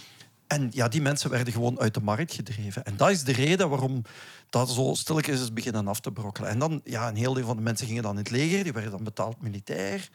Maar dan ligt die loyaliteit niet meer bij die rijke senatoren die eigenlijk uw boerderij hebben opgekocht, dat ligt bij die generaal die u een vette pre geeft elke maand. Af en toe is een paar vrouwen om, om te verkrachten, een stad af te branden, wat slaven te verkopen. En ja, Dat was ook eh, duidelijk de beloning voor het leger. De veroverde stad plunderen en uw gang gaan met alles dat je tegenkwam eigenlijk. Dat was een goede incentive als ik in de teambuilding, dat zo zeggen.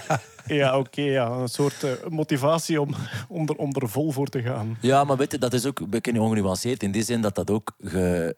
Keizer wa- die was ook bekend om zijn genade. En plus, Ja. het is niet altijd slim om...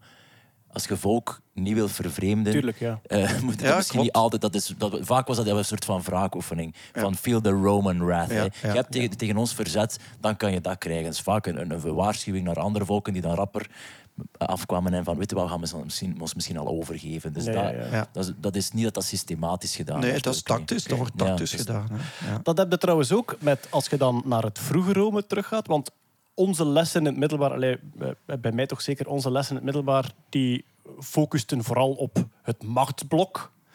Maar daarvoor zitten eigenlijk met een, laten we zeggen, een eh, enkele bewoonde heuvels, die dan de stad Rome zijn. Maar zitten met een soort stadstaat, een soort volk dat in constante concurrentie leeft met de buren en ook de passanten, want toen hadden we nog gigantische volksverhuizing.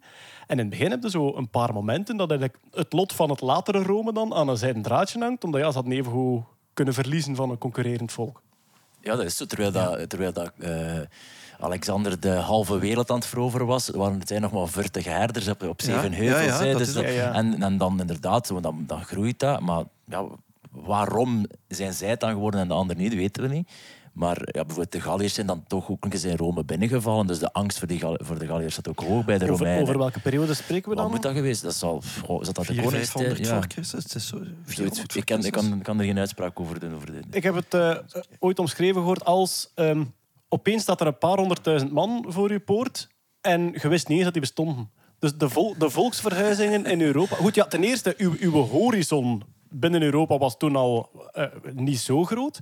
En die volksverhuizingen moeten zodanig gigantisch geweest zijn... Dat, dat, kon, dat kon opeens over de dichtstbijzijnde heuvel verschijnen. Een paar honderdduizend man die weggedreven waren door een ander volk of gelijk wat. En ja. Ja, en ik staan die dan is van, ja, sorry mannen, niet kwaad bedoeld, maar nu, ja, wij, moeten ook, eh, wij moeten ook eten. Hè. En wel, ik ben een paar jaar geleden ben ik, zijn we op gezinsreis geweest naar eh, Roemenië.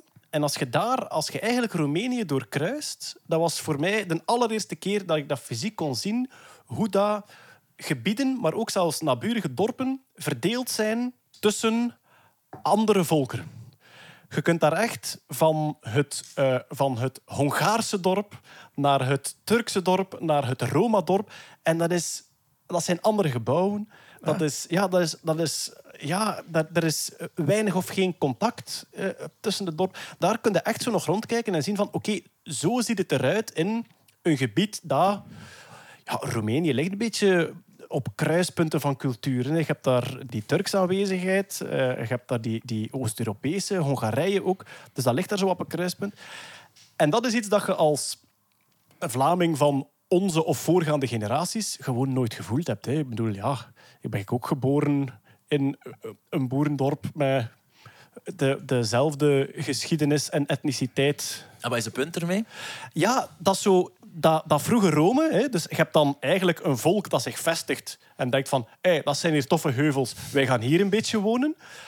Maar dat dat veel dynamischer was in die tijd. Er kon opeens iemand verschijnen die zei, ga hier eens weg, wij vinden dat hier toffer en wij zijn sterker dan jij. Of, en dan moesten ze zelf weer verhuizen. Dan moesten ze zeggen, van, ja, die sterkere hebben onze plek gepakt, dus wij gaan nu een beetje opschuiven naar daar. En misschien sterft er wel uit en is er nooit een Rome en komt er iemand anders aan de macht. Zo. Ja. Ja. Dat is hetgeen dat er nu gebeurt zo in, in de DNA-onderzoeken, dat je echt die bewegingen Ja. ook nog veel, veel meer ziet en dat dat eigenlijk allemaal niet zo statisch was en dat er eigenlijk veel, veel gereisd werd in die periode. Ja, dat is een ding dat je eigenlijk niet vermoedt, omdat je denkt, reizen is, iets, dat is een, eh, Ja. een romantische uitvinding en Ja. dat is van de laatste honderd Sinds de jaar. nederzettingen-tijd Ja. bleven we allemaal op ons boerderij. Ja, ja, dat, maar dat is absoluut niet waar. En Ah, wel, dat bedoel ik. Zo een heel volk, hè, en dan pak nu de stad Gent, hè, die opeens het gevoel krijgt van... Ja, lap, wij zitten hier met de Antwerpse veroveraar die eigenlijk zodanig veel militaire kracht en invloed krijgt dat hij ons wegduwt. En dat heel de stad Gent zegt... Goh, daar in Noord-Frankrijk is eigenlijk een gebied waar dan nog wel wat plaats is. Wij gaan gewoon als volk naar daar. En bijkomend, je vertrekt en opdat je zeker niet zou terugkeren, stikt de stad Gent in brand ook. Dat werd dat dan is- ook nog gedaan. Ah, ja, dus dat is van, oké, dan, we- nu moeten we echt wel weg, want het is er niet meer. Dat is een goed argument om te vertrekken. Het is Ja, weg. De vlasmarkt is weg. Ja. Maar dikwijls, dikwijls zijn ook die volksverhuizingen ook niet op heel korte tijd geweest. Dikwijls gaat dat ook heel sporadisch. Zijn er een aantal mensen die vertrekken. En, ja. en gaat dat dan over, over een termijn van een aantal, soms tientallen jaren. En dat heel de volkeren vertrekken, dat weten ze nu ook. Want je hebt dan die slag met de Kimberen en de Teutonen heb je dan ook gehad. Dat, is ook, nee, dat was niet Keizer, dat was Marius, hè? Kimberen en Teutonen. Ja. En de Helvetiërs, dat was wel... Dat, is was wel- Keizer, ja. En daar wordt dan ook dikwijls al gedaan dat dat ook zo honderdduizenden mensen zijn. Maar ik denk dat ook Dan Carlin daar iets over gezegd heeft. Van, dat hij zegt van, ja, maar je moet je dat niet zien als zo'n... eh, een mensenmassa van honderdduizend die allemaal tegelijk... Dat zijn allemaal sporadisch, allemaal groepjes Ah, verdeeld. Zowel in ruimte als in tijd. Ja. En soms heb je dan een iets grotere massa en die, komen dan, die, die oefenen dan iets meer druk op, op de omgeving waar ze dan doortrekken. En krijg je dan aan bras eh, lokaal wel. Dat, dat kan wel gebeuren. Ja. Oké, ehm, ja, we zijn heerlijk van de hak op de tak aan het springen. Zo, maar Het zo is niet gestructureerd. maar nee. zo heb ik het liefst. We zijn de minst chronologische podcast Ja. ooit. Er is wel ene waar we het nog niet echt over, of toch nog niet uitgebreid over gehad hebben. En dat zijn die Punische oorlogen. En eh, ja, dat is ook wel uitermate boeiend. Hè. Dus we gaan dat even eh, proberen schetsen. Allee, ik ga het proberen schetsen. maar, want het is mijn, het is mijn expertise niet. Dus, Nee, maar eh, nee, maar ik ben, ik ben ook een complete amateur hierin, maar ik wil het gewoon in de tijd duiden. Dus we hebben het al gehad over vroege Rome, koningentijd, wordt dan republiek. En dan heb je een soort concurrentiemoment. Je hebt aan deze kant van de Middellandse Zee heb je dan eh, Rome als grote machthebber. Aan de overkant heb je Carthago. En dat is dan Tunesië, huidige Tunesië, Tunesië, ja. denk ik. Tunesië, ja. Heb de Carthago, wat ook een hele rijke handelsstad aan het worden is. Die hebben denk ik dan ook heel die toestroom van Noord-Afrika, van de goederen die zij kunnen Er verhandelen. zitten ook een stukje Spanje, zei. Voilà, en ze, ze hebben die, ze hebben die Middellandse Zee als fantastische handelsroute. Ik denk zelfs dat eh, Sicilië een paar keer gewisseld is. Van, Ja. Ja, van, maar daar is het begonnen. Hè? Het is over Sicilië begonnen. hè? En dus je hebt dan... over Sicilië. Ja. Eh, goed, we zitten 200 jaar voor Christus, dus 150 jaar voor, voor Keizer eigenlijk. hè. Daar zitten we nog, nog een heel stuk voor. En je hebt dan die, die concurrentiestrijd. En ja, dan wordt er ook wel een paar keer stevig gevochten tussen Rome en Carthago. Eh, dat heet dan de Punische oorlogen, eerste, tweede en derde, denk Ja. ik. En het bekendste daaruit is Hannibal, denk ik. hè. Hannibal, Hannibal zijn, is tweede. Hè? ja, zijn, vader, zijn vader had eerst al... Hamilcar. Hamilcar. Hamilcar. Barkas, ook wel een goede Barkas is een hele goede naam. Maar ja. Dat is echt een dude. Hè. Ja. En dus, ja, uiteraard, het meest logische voor Carthago en Rome is om altijd over die Middellandse Zee naar elkaar te varen en dan eh, een beetje te vechten met elkaar. En Hannibal, zeer bekend, die beslist dan, zeg, we zitten toch al in Spanje, kan ik een keer van daar vertrekken? En een keer wat olifanten meepakken. Zit die trip naar Rome. Voilà, een keer wat olifanten meepakken en de Alpen overtrekken. En ja, dat, staat, enfin, dat, is, dat is iets dat, je, dat ik eh, ook in het middelbaar meegekregen heb. Maar een keer dat je dan ook alweer het dag na dag verslag hoort van wat er overgebleven is, van hoe dat hier een overtocht was, dat was echt brutaal. Ja, wij rijden nu... eh, allez, ik ben al een keer over een mooie tweevaksbaan de Alpen overgereden. Ze hebben dan... Schrik in de Gotthardtunnel, jij. Eh, ja, ook al. Ja, de Gotthardtunnel was te lang toen voor, voor mijn claustrofobie op dat moment. Dus ik dacht, we gaan gewoon de pas oversteken, wat ook een keer boeiend is. Maar dan, is er wel al een team wegaanleggers gepasseerd die voor mij de rotsen uitgehouden hebben en daar gezellig asfalt. Maar als je dan stilstaat en je kijkt dan een keer links en rechts en je denkt van oké, dus dit was de gemakkelijkste plek om een weg aan te leggen. Voordat die een weg hier lag, hoe zag dat eruit? Ja, gewoon rotsen en sneeuw. En daar dan overtrekken met olifanten bij. Ja, als je Barkas noemt, dan doe je dat. Hè. Niet dat is- zeven naar voren Dat is waanzin, maar ik weet het, ik ken er niet genoeg van, dus het is meer als vraag. Maar ik denk ook dat er eigenlijk ook dan ook niet zoveel olifanten meer over Nee, leven. ook. niet Ja, dan Dat denk je, dat is, zo, dat is toch ook een hele propagandastunt, zoiets. Hè? Er zijn wel verslagen van ehm, Romeinse legers die aangevallen werden met olifanten. Hè, want die olifanten werden elders nog ook gebruikt, hè, los van eh, Hannibal die de Alpen overstak. Dat was niet zo efficiënt, ook die olifanten. oh, het schijnt dat dat psychologisch wel In het heel goed begin. werkte. Alleen in het begin. Is het echt, ja? Olifanten hebben een heel goed effect op de cavalerie. Maar ook in het begin. Dat Ah, wil ja. zeggen, een paard dat heeft schrik van alles, en die zien een olifant voor de eerste keer en die mannen draaien zich om, die zijn weg. En daar gaat die cavalerie. Ja. Maar als, jij die dan, als je dat dan weet en je kunt die dan trainen, dan leren die dat. Oké. En- Olifantentraining. Ja. Eh, Je begint maar- met een hele kleine olifant, een kleine dosis. Dan is een slagtand, dan een oor, Ja, met een ja, een rectum. Maar je infanterie kun je daar wel tegen inzetten. En, en zeker als je eh, zeer doorgewinterde soldaten hebt, gelijk eh, Hannibal had, maar gelijk ook eh, de Romeinen hadden. En dat zijn mannen die, dat zijn veteranen die dus al, al eender wat, wat, heel wat veldslagen gedaan hebben. Die kun je daar, die kun je daar na de initiële schok, zet je die daarover. En wat deed bijvoorbeeld Scipio? Dus er is dan een charge, het was ergens een van de latere dingen, een charge met olifanten. En dan zegt hij tegen zijn mannen, dus eh, in principe hebben ze zo een dambordpatroon met die... Met die eh, De legers? ja, dus de Romeinen. Hè? Dus Dus, je hebt u- manipels, hè? dus je hebt altijd een... Uw een legioenen in een vierkant. en Ja, dan- nee, dus ehm eh, legioen bestaat uit tien delen, hè? tien cohorten. Elke Ik wist, cohort- dat, ik wist dat ik de termen verkeerd ja, ging gebruiken. elke cohort bestaat dan uit drie manipels. En een manipel, dat zijn twee groepen, twee centurions, dus twee centurions met hun manschappen bij elkaar. Ja. En elke manipel staat altijd met een tussenruimte van elkaar. En dan de, de tweede linie vult dan de tussenruimtes op. Ah, ja. Zodoende dat je zo een Dambordje, een ja. krijgt. En die, die olifanten stormen op je af en jij geeft het commando, oké, iedereen die nu voor de open ruimte staat, die schuift een naar links of een naar rechts, waardoor je dan rijen krijgt. En dan gaan die gewoon, die olifanten, daardoor. Je maakt een De gangske voor een sluit- olifant. Ja, de rijen sluiten en achter de linies worden die gewoon afgemaakt. Zo simpel was het. Of bijkomend ook gewoon speren naar de olifanten Ja, ja, smijten. ja. En de beren- beesten geraken in paniek, draaien Ja, zich om draaien en zich om en vertrappen een gans hun eigen leger. Dus dat was niet ja. enorm efficiënt. Nee. Ik weet niet of dat jij dat ooit... Ik heb dat ergens gelezen en ik vind het nergens meer terug. Maar dat er ooit in Germania hè, eh, leeuwen werden ingezet door de Romeinen. Ah, nee, ik, weet, het, is een, is een- ik heb één keer ergens gelezen, de anekdote. En psychologisch werkte dat niet voor die Germanen. Want die hadden zoiets van... Oh ja, dat zijn grote honden. hè." Gele hond. Dat is een, hond- een hond met veel haar. hè. Dus Dat zegt mij helemaal niks. Gele dus ik heb hond is oh, boos. Ja, ik, als iemand mij kan, we- kan weten zeggen van waar die anekdote komt, die wil ik graag eh, nog eens bevestigd zien. Ja. Eh, ja, Punische oorlogen, we gaan er dan ja, niet, niet te ver op ingaan. Ik ga je geven en ik wil, ik wil hem, ook, eh, hem ook geven aan de luisteraars, want het is heel goed. Je hebt een blog van Jona Lendering, is een, eh, een eh, Amsterdams academicus over de oudheidkunde en die is steengoed. Lendering. Jona Lendering, zijn blog heet Domweg Mindser beoop achter. Dus zoek maar Jona Lendering op. Want dat, ga- ja. dat is iets van het, het Multatuli of zo dat hij, dat hij gebruikt heeft. Een heel slechte naam. Maar hij is, hij, hij, zijn stokpaardje is geschiedenis is een wetenschap en dient als dusdanig ook gecommuniceerd te worden. En dat hij schrijft heel goed, heel interessant. Ook heel entertainend, maar hij duwt op het feit dat geschiedenis een wetenschap is. En specifiek Romeinen of breder? Rome eh, oudheid, Romeinen, eh, Grieken. Grieken, eh, Egypte, Egypte. De, de, wat ook nog mijn ander stokpaard is, de, de, het Nieuwe Testament, behandelt hij, behandelt hij ook heel interessant. Ja, dat is inderdaad, ik denk, de, de drie focussen die ik ken van u. eh, eh, Tweede Wereldoorlog, eh, de historische Jezusfiguur en Ja. tijd en eh Romein. Ja, voilà.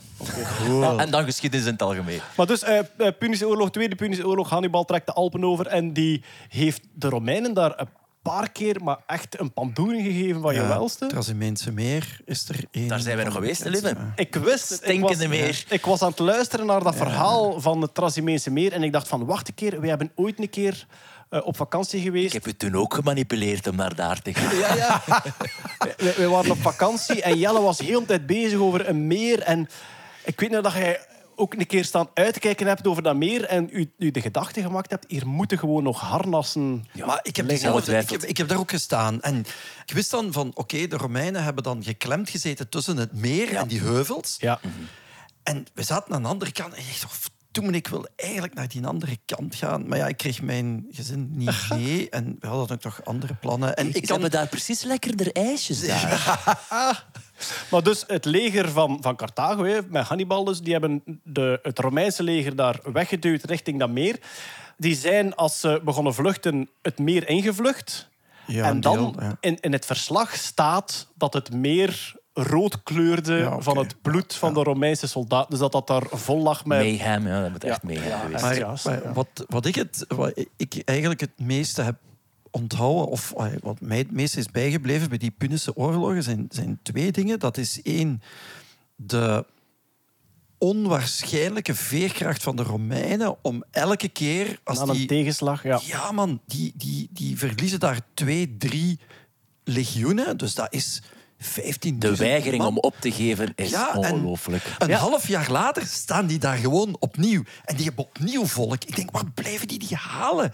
Dat is ongelooflijk. Maar de weigering om op te geven is waarschijnlijk ook dat de gevolgen falikant... En eigenlijk, Je kunt ook over- niet natuurlijk, ja. overgave is dood of slavernij dan. Ja. Ja, Ja, ja, dat ja. is ook zo. Ja, Ja, ja, ja. Maar, maar het ding waarbij dat je... We zijn pertinent verloren. We zijn verloren en Ja. nee, we doen door. Ja. Ja, Het is- ja, natuurlijk, dat, dat, gaat dan weer terug op die maskers die daar hangen. Hè. ja, ja die Ja. ambitie. Die ambitie. En je moet, je moet blijven Natuurlijk gaan. ook wel die arrogantie van die eh, generaals, van die consuls. Want afgevaardigde generaals had je pas later, eh, dus tijdens, eh, tijdens het keizerrijk.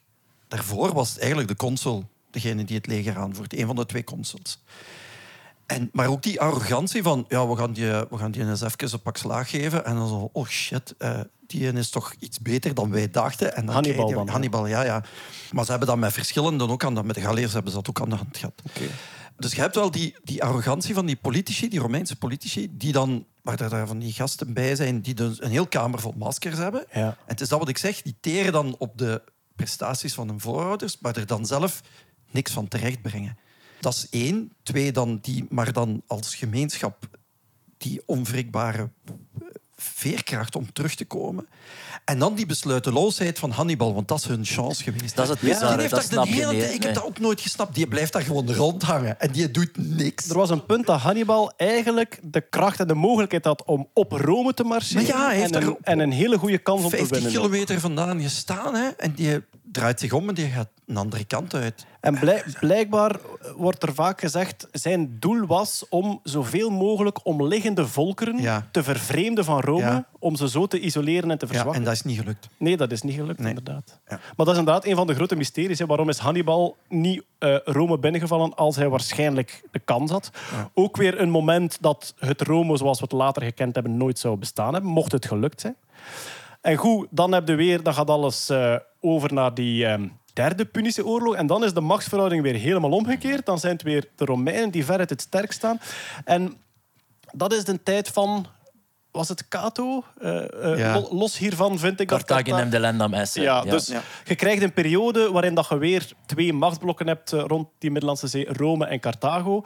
En sommige Romeinen, waaronder Cato, die voelt die concurrentie. Het feit dat Carthago zodanig welvaart is. Er is één verslag, denk ik, waar dat iemand op handelsmissie is en terugkomt van Carthago en eigenlijk een beeld geeft van de Cato rijkdom. met die vijgen. Ja, die, wel. die gaat in de Senaat, heeft hij een handvol vijgen. Die zei, hey, die zijn gisteren geplukt en die staan nu al hier. Ja. Zo machtig is Carthago al terug geworden. En Want dus het- eigenlijk is dat gewoon pure economische concurrentie. Hè. Meer, Ah, wel, maar meer dat dan is- dat is het niet. Hè? Ja, dat is, want Carthago was blijkbaar immens, een immens welvarende eh, stad. Maar alweer volgens de versie die mij ter oren gekomen is vandaag de dag, militair niet meer zo agressief. Die meer iets hadden van make, Ja. make economy not war. Ja. Ja. Maar die Romeinen die dan zien gebeuren, die zeggen van ja, maar ja, maar nee, nee, nee. Ja, als jij in de buurt van Sicilië komt, kom je te dicht en dat kan een Romein niet laten gebeuren. Hè. Ja. Maar dat einde van die derde Punische oorlog, die alweer eigenlijk het vuil spel van Rome daarin. Het is weer van, zeg, ehm, eh, wij betrouwen dan niet dat je er een vloot hebt. Ze zeggen, ja, geen probleem, alleen maar om te handelen, alle militaire schepen weg. Ah ja, ja, oké. Wij vertrouwen er ook niet dat je er soldaten hebt. Ah ja, geen probleem, we willen alleen maar handelen, alle soldaten weg, ja, geen probleem. En dan van, ja, eh, je moet wel aanvaarden dat ons leger wel voor je stadspoorten ligt. En zo altijd dat stapje verder gaan van, je moet afgeven, totdat ze op het einde gewoon gezegd hebben van, ah ja, sorry, het was allemaal gelogen, we gaan de boel hier toch plat slaan. En het hebben kunnen niet verdragen dat je een stad hebt, die gaan we ook volledig neerhalen. Ah, wel, De de- er, er is een mythe rond, maar het zegt wel iets dat ze geloofwaardig genoeg is om aan een Romein te plakken, namelijk de stad verwoest en zout in de aarde gestrooid hebben, Ja. Zodat er geen landbouw meer mogelijk was. Wel, er was op een bepaald moment een belofte en ze zeiden van... eh, ah ja, dat is juist. Het, waar, het was blijkbaar een veel gebruikte tactiek uit die tijd. Als onderpand willen wij dat eh, de jongeren van uw... Ah ja, gijzelaars. Ja. Ah, wel, de, Ja. de jongeren van uw upper class... De standaard tactieken, de, Komen de bij ons Keizer in en ook. Ja. Dat waren geen gevangenen. Hè? Nee. Nee. Die, die werden goed verzorgd. Die leefden aan het hof. Ja. Maar natuurlijk, je zat wel in die stad van de vijand. Dus je had een slag om de arm. Van ja, vanaf dat je ons aanvalt, uw jongeren zitten neer. En dus ze hadden gezegd, als je dat doet, je stuurt uw jongeren, dan kan Carthago blijven bestaan. Ze doen dat. En dan zeggen ze... Carthago mag blijven bestaan, maar je moet 20 kilometer landinwaarts verhuizen. Dus, Goed, hè? dus, en, en dan zeggen ze... Ja, maar nee, nee, je hebt gezegd dat we mochten bestaan. Ja, nee. Het concept mag blijven bestaan. Maar de fysieke De stad... merknaam, het Ja, merk Carthago. Je hebt de kleine lettertjes niet gelezen, man. Maar de fysieke stad liever niet. En dan heb je ook tafereel die beschreven staan van de, de wanhoop en, en hoe de nobelen zich ter aarde gooien en zeggen van ja, maar dat kan gewoon niet. Ah, dan is het oorlog. Al uw jongeren dood, stad verwoest. En blijkbaar zouden de, de beschrijvingen van de verwoestingen van Carthago zodanig levendig zijn. Daar waren gebouwen met meerdere verdiepingen. 200 voor Christus. Dat is toch... In Rome ook, had appartementen ook. Hè? Ja. Ja, ja, tuurlijk. Ah, wel, ja, maar zo... Geassocieerd dat daar niet mee. Nee, dat is het altijd. Zo. Ja, Die- Ik vind, dat- vond ik ook altijd tof. Hoe meer dat je erover leest, dingen die je denkt van... Shit, dat is zo... Het is heel radicaal anders, die periode, dan onze periode. Maar hoe he- hedendaags ook. Ja. Gewoon nog maar domweg. Dat magistratensysteem, nog, Ja. eh, als je veroordeeld wordt, je kon ook borgtok betalen. Zo. Heel die dingen die, er nu, die, die systeempjes die nu bestaan in de maatschappij, die toen ook bestonden. Hoe dat belastingen geïnd werden en al. Dat dat is Wat Dan Carlin ook vaak zegt is... ehm, de, eh, de geschiedenis, de oude tijd, is veel stedelijker dan dat mensen denken. Zowel qua machtsstructuur als qua gebouwen eigenlijk. Wat mij altijd heeft verbaasd is dat in de tijd, zelfs voor Keizer nog, dat daar al een miljoen mensen woonden in Rome. 1 miljoen, ja? 1 miljoen. Damn. fascinerend. In, de, in een heel goed boek, Rubicon, dat, dat was dan Ja. eigenlijk die dan met HBO eh, Rome mijn fascinatie heeft aangewakkerd. Rubicon is de titel. Rubicon, Ja. de titel van... Goh, Is het Is Goldsworthy? dat- is dat die- Goldsworthy? ik denk dat het Adrian Goldsworthy Goldsworthy? is. Nee. In een boek met dat gezicht op de voorkant? Ja, Die jij op is reis staat te lezen? Ja, maar ik, dit, dit lees ik een paar keer opnieuw, want het is ook, dat gaat echt over de nadagen van de Republiek. Ja, ja. En daarin staat dat ze dan de, de ijsboringen in IJsland doen, eh, om dan te kijken hoe de luchtvervuiling zat. En dan in de periode dat Rome opkomt, zie je dat er gigantische luchtvervuiling is van de, de, de mijnen in Spanje, van de, ver- van de verbranding van, van het erts te Allee. delven. En dat is zo modern. Er was milieuvervuiling, er was zodanig... Rubicon van Tom Holland? Ja, Tom Ja, Holland. ja, ja, Ah, ja, Ja, ja, oké. Tom Holland van Tom- Spider-Man. Ja, ja, ja, die schrijft ook boeken. Dat is ook, een- dat is ook een Rome-nerd. Ook een multitalent, zeg. Je hebt Tom Holland en Adrian Goldsworthy. Ja, ja, dat zijn degenen die zo de meeste boeken ja. En Mary. Beard is ook eh, Ja, ja. SPQR van Mary Beard is heel belangrijk. Ah, maar dat is goed. Eh, Misschien zitten we nu wel al in deze fase, in deze chaotische podcast. Ehm, eh, We zitten in een fase, we weten gewoon niet welke. hedendaagse eh, schrijver. Dus we hebben dan die Rubicon en je hebt nog twee namen genoemd. Hè?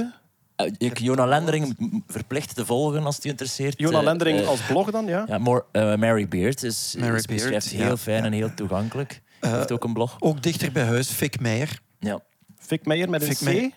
Eh, Fik, F- nee, nee, FIK, het is een Hollander. FIK, het is een FIK, Hollander. ah ja. Fik Fik- Meijer is eh, een historicus, een academicus, die bijvoorbeeld een boekje... Het is niet zo'n dik boekje, een boekje geschreven over gladiatoren. Maar daar, daar wordt uw beeld over gladiatorengevechten helemaal over opgehaald. En wat zijn de misvattingen van Eh, de Asterix en Obelix-lezers? Ja, ik? bijvoorbeeld de misvattingen dat eh, elke gladiator sterft als hem vecht. Oké. Je hebt, je Gewoon hebt, te eh, ja, dat is vijf jaar training. Hè? Ah, ja, dus elke lanista, de lanista is een trainer eigenlijk, maar elke eigenaar die heeft zoveel geld betaald. Niet alleen om die slaaf te kopen of, of weet ik veel hoe, hoe die gast dan bij hem geraakt is, maar ook dan nog vijf jaar heel intensieve training te geven. Om die dan gewoon één keer te laten optreden en te laten afmaken. Dat Ja, ja. is gewoon. Kan niet. Ja. Dus je had als gladiator ongeveer 80% overlevingskans. Dus dat was niet slecht. 80 procent, amai zeg. En alle wijven dat je kon krijgen. Ja, ja, Ja, hè. ze- waren er zot van ook. hè. Dat, waren, is daar, dat Ja, waren ja, ja. de- Zelfs de adellijke vrouwen, hè. Dat waren de topvoetballers van Dat, die tijd. letterlijk, Ja, dat waren ja, de ja. topvoetballers en, de, en dan de vrouwen die er dan eh, af en toe een keer bij mochten en zo. Hè. Allee, En zeg. de, en de hooligans erbij ook. Hè. Oh ja, want mijn beeld is, die zaten geketend in een stinkende kerker die naar rattenpis Ja, ruikte. Nee, nee, maar nee, nee. Het zal wel vrij Spartaans geweest zijn in, Ja. in, in de omstandigheden, maar ja, inderdaad, sport, het waren sporthelden eigenlijk. Ja. Hè, de van de... Heel dubieuze status. Hè. Aan de ene kant zaten die aan het onderste van de ladder, want die waren gelijk met slaven. Het waren Ja. slaven. Vechtslaven. ja. Maar aan de andere kant waren dat echte eh, ja, sportsymbolen. Hè. De status, allee, ja, hoe moet ik dat zeggen? Die hadden een bepaalde status. Ja, hyper getraind ook Ja. eh, eh, in, in een soort macho-cultuur. Oh, een als soort echte macho maar ja, als je opgeleid bent en ook het in praktijk brengt om anderen man tot man om te brengen, ja, dan heb je daar... Ja, dus het is ook nooit zo geweest dat je twee gladiatoren in de arena enkel laat optreden. Dan waren er altijd meerdere koppels tegelijkertijd. Ah, oké.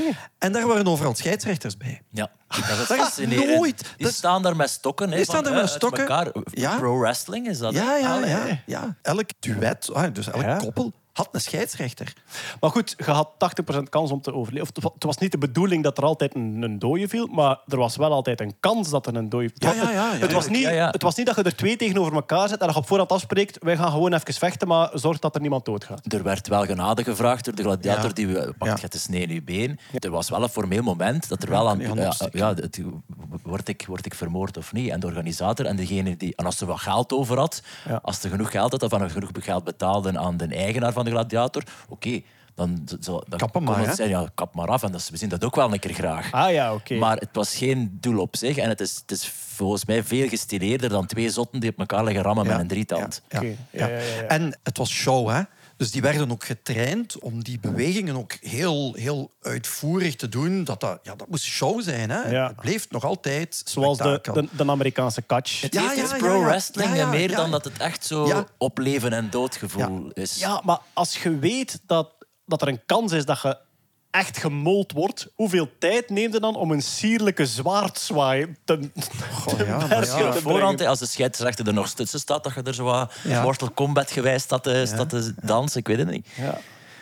Nog een andere misvatting is eh, duim omhoog, duim omlaag. Is eh, iets van de... We weten het 19e gewoon niet. We weten het gewoon Er is een handgebaar, iets met een vinger, maar we weten niet eens te omhoog of Ja, omlaag. en, Ah, en- oké. ja, nee, nee. En dat komt van een schilderij wat er, eh, wat er ergens is afgebeeld waar zo ene staat en waarbij dan iemand anders eh, moet, eh, moet be- beslissen, de keizer dan zo gezegd. Maar zelfs in de keizertijd was het nog niet zo dat de keizer altijd besliste. Meestal was het het volk dat besliste. ja. Dus er werd geapplaudisseerd. Men vermoedt dat meestal met de applaus dat, dat het werd gedaan. Handenklappen bestond wel al. Ja, ja, ja. Oké. En, en dan werd er, ofwel werd er geroepen, hè, je had eh Jugolé, dat is eh snij hem de keel af, ofwel Mitte, laat hem gaan. Oké. Dus dat werd er dan geroepen. En als hem dan dood was, ook nog een beeld dat ik Oh, maar ja. recent kende. Je hebt dat dan... Ja, die, dat is het... Dat is een facet dat wij een beetje onderschatten, maar hoe doorvrocht dat die cultuur is van godsdienst en van mythologie. Ja. Daar staan dan een, een, eh, ja, een soort duivel, duivelachtig... Ik denk Charon, denk ik. Of, Charon, ik hè? denk dat Ja, volgens is. Dus de- Charon die daar staat, ja. Een van de, van de dudes die dat de, de lijken naar de onderwereld trekt. En dan is dat met een hamer verkleed. En dan trekken ze het lijk met een haak door, eh, door het zand. En om zo ja, afgevoerd te worden. Maar die Charon staat daar met een hamer en die geeft daar eerst nog een mot op om zeker te zijn dat hij dood is. Het is, het is echt foos. En het ding van het- dat het volk wil bloed zien, dat klopt ook niet volledig. Omdat je eigenlijk in de, denk in de voormiddag zeker, waren dan de, de doodveroordelingen. De, de jachttafereel eerst, ter doodveroordelingen, dat was de middagactiviteit. en dan de namiddag was het gladiatoren. En dat was over de middag, het is daar te warm. En ik denk dat Plinius erover schrijft van, ja. oh, dat, gaan we, dat doen we niet. Dat, is te gaan we niet naartoe. Zo daar, mensen die daar dan op een hele leuke, creatieve manier in een mythologisch tafereel ter dood veroordeeld werden. Dus zo, boah, die gaan dan in die zon gaan zitten.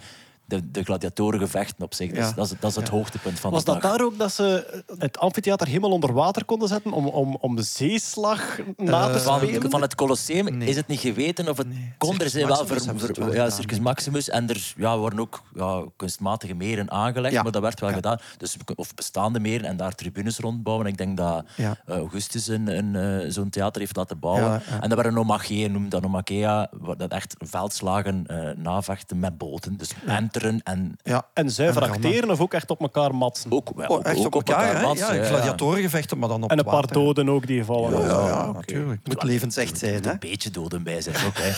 moet, moet wel echt mogelijk. Ik vind dat ook wel heel knap, dat dat ook heel erg geritualiseerd en gestructureerd is, die gladiatoren. Wij denken altijd, wat dat is gewoon ja, twee gasten die tegen elkaar zitten te vechten. Maar dat is, zoals Jelle zegt, hè, je, hebt, eh, je hebt eerst die eh, voormiddag de jacht, altijd de venatio, dus altijd, en dat werden dikwijls waren dat jagers, echte jagers, die dan... Dat fiche van Werchter Classic. Dat Ja, is ja, maar affiches, ja, ja. Op de middag de ter En doodveroordelingen. wat, en wat de deden de jagers in de, in de arena? Wel, ofwel waren dat dus, eh, lieten ze dan daar een, een paar stieren los en die moesten dan eh, gedood worden. Of, Ja. eh, en hoe later in de tijd dat die dingen ingeburgerd geraken, hoe exotischer de beesten werden dan. In het begin waren dat lokale dieren, hè. everzwijnen, stieren, wat wolven of zoiets, of een beer. Maar dan beginnen ze met, oké, met dat zij die veroveringen, eh, dat dat verder weggaat, beginnen ook exotische dieren te komen. En dat waren soms eh, professionele jagers, maar ook ter dood veroordeelden. Die dan, dan kreeg je dan zo een speertje en dan moet je daar een, een hele troep eh, van die gigantisch bloeddorstige wolven te lijf gaan. Oh. Maar dat was echt altijd mooi afgeleid van, oké, dit is het. Het is altijd jacht. Dus Ja. dieren tegen, of dieren onderling, dat werd Ja. dat werd ook gedaan. Hè, dus bijvoorbeeld eh, een beer en dan lieten ze daar een stel wolven op los. eh, van Dat soort dingen. Spektakel. Ja. Ja, altijd. Ja. En dan op de middag ter dood veroordelingen. En dan. Maar ook op een ludieke manier. Ja, ja, bijvoorbeeld, ludiek, we gaan wel een mythe uitbeelden van eh, bijvoorbeeld Europa die verkracht wordt door de stier. Dat gaan we dan ook gewoon tonen.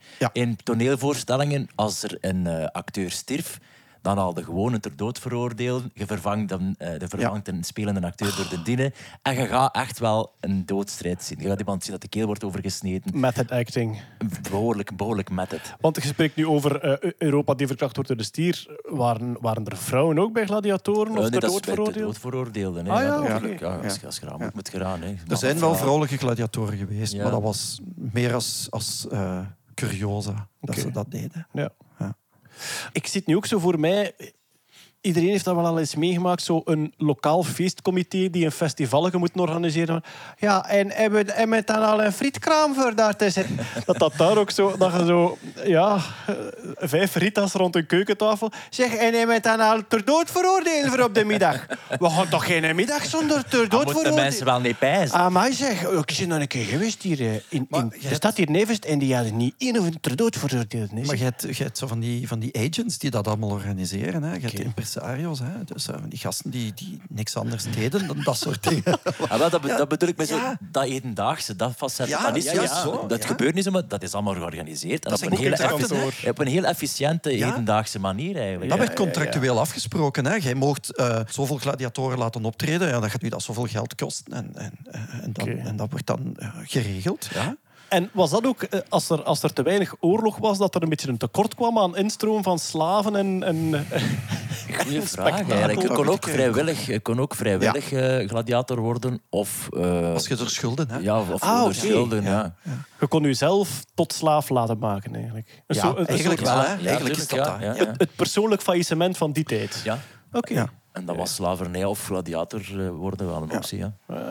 Maar sommigen hebben het voor de kick gedaan. Hè. Er zijn er een paar bij die dat voor de kicks Ah, ja. deden. Maar En dan dus, eh, wacht zo, want we zijn nog aan een affiche bezig. Hè. Jacht voor de middag. Op de middag vergasten wij u op eh, ter dood veroordelen.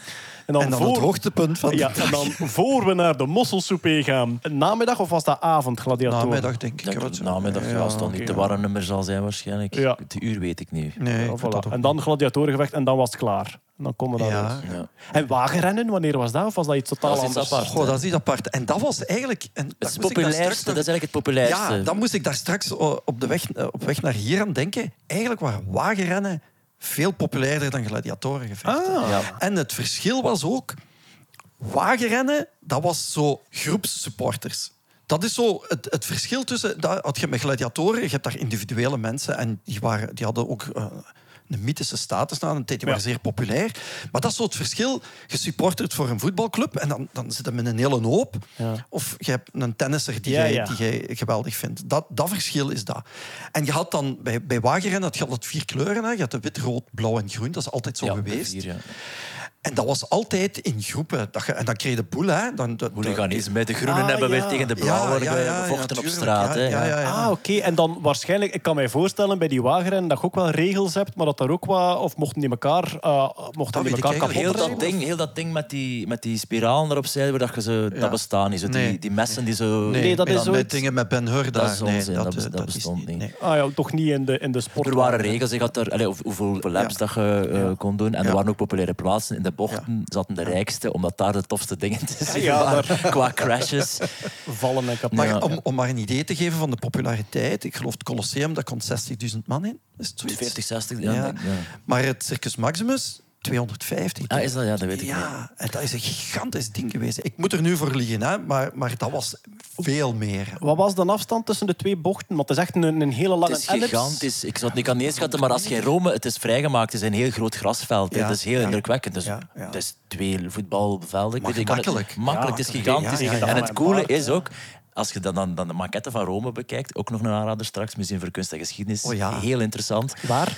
In Brussel. Ah ja. hebben een gi- gigantische... Er zijn maar twee zo'n maquettes ooit gemaakt door die architect. En dat is een gigantische maquette van, van Rome. En daar zit Circus Maximus. En daar, dat ligt aan de Palatijn, Ja. aan, waar het, het keizerlijk paleis stond. Dus, dus die, die dat, qua loge kon dat wel tellen. Dat die, Ja, die kon ze van bovenuit kijken. Dan zo. dat is, dat is heel cool om te zien.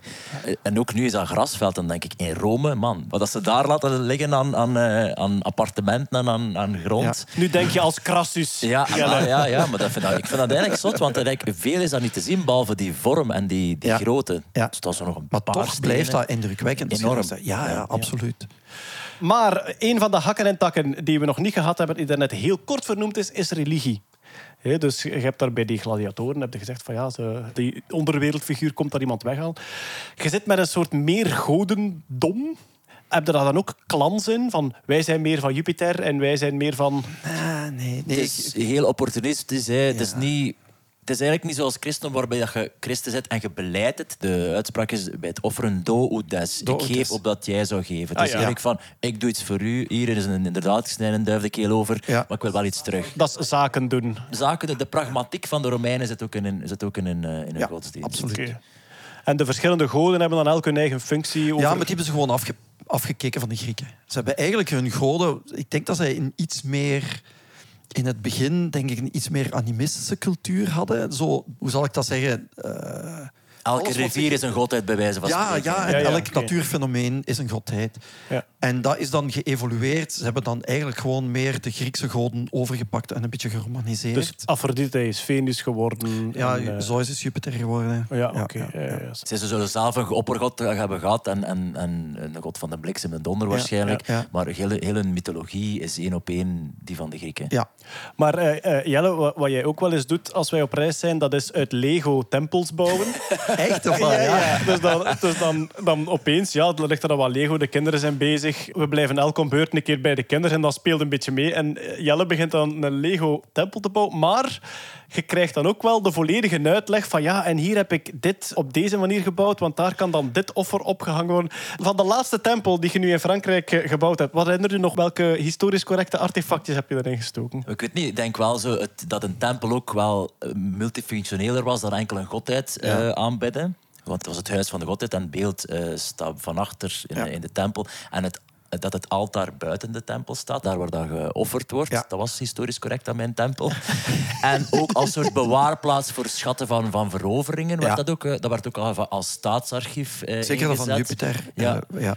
Als, eh, ook als eh, opslagplaats voor, voor, voor, voor schatkisten en voor, en voor, de sta, voor de staatskas en dat soort dingen. Dus het was wel multifunctioneler dan enkel de kerk. eh, waar dat je, waar Een dat je beetje, altijd beetje cultureel centrum, ook zo Ja. wat. Ja. De senaatsvergaderingen eh, vonden niet altijd plaats in de senaatshuis, maar ook in, in, In tempels. tempels. Ja, afhankelijk van, soms van het thema. Hè. Als, als ze oorlogsdiscussies hadden, dan werd dat bijvoorbeeld in de tempel van Bellona gedaan. Dat was ook een oorlogsgodin. Oké. En dan ging Ik dat geloof over- zelf mensen gevangen zetten in tijdelijk, want Ja. eh, ze hadden geen gevangenissysteem eigenlijk, de Romeinen. Of ze Ja, dat vind ik ook nog iets heel fascinerend. Ja. Bijvoorbeeld in de Catilinarische zit dat, de mensen werden dan van adel, ja, ze hadden geen gevangenis en dat is gewoon even tijdelijk voor iemand vasthouden voor, voor te vermoorden. Maar bij de mensen van adel doe je dat niet. Die werden Nee. ofwel verbannen ofwel vermoord. Maar gevangenissysteem hadden ze niet. Maar om tijdelijk iemand in bewaring te geven, konden ze bijvoorbeeld bij, bij een maat ergens in, van adel eh, in zijn huis bewaard worden. En die moest hij dan bewaken of gestikt die in een tempel bijvoorbeeld. Ja.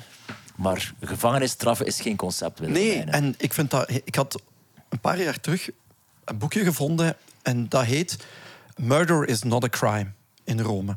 Dus moord als concept, als eh, misdaad, bestond niet. Is dat? Ah, dat wist ik niet. Ja, omdat had de pater familias, die heeft de absolute macht over al zijn gezinsleden. Dat heeft mijn vrouw mij trouwens ooit verteld. Je kunt in België voor elk wettelijk stelsel ter wereld trouwen. Dat gaat. Jij mocht bijvoorbeeld zeggen van hey, ik vind de Indische wetgeving veel interessanter dan de Belgische. Mocht jij volgens de Indische wetgeving huwen. Oké. Dat is één uitzondering. geen Romeinen.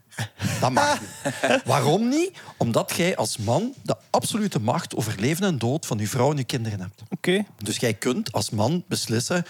Mijn vrouw staat mij niet meer aan, ik verkoop die.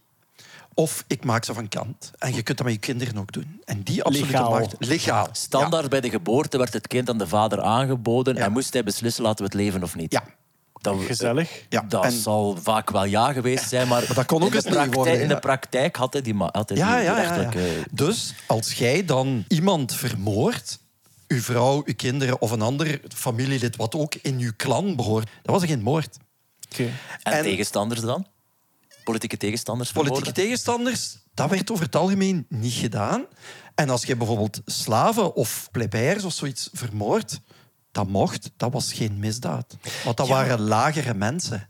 Dat, dat was geen probleem. Er was ook blijkbaar een regel als een slaaf zijn meester vermoordde, dat alle slaven van die meester dood moesten. Ik weet niet of het een algemene Ja, eh, regel jawel, jawel, dat was Ja? wel een regel. Ah, oké. ja, dus als een slaaf zijn meester vermoord, werd heel het huishouden uitgemoord. Dus je Ja. wist dan, ik kan hem nu wel doodslaan, maar dan gaan al mijn collega's Ja, slaven. dat, dat was eigenlijk als afschrikking bedoeld. Van, als jij dat doet, dan weet je wel dat ook uw... Ja, want sommige slaven hadden dan zelf hun eigen gezin daar binnen Ja, ja, die gemeenschap.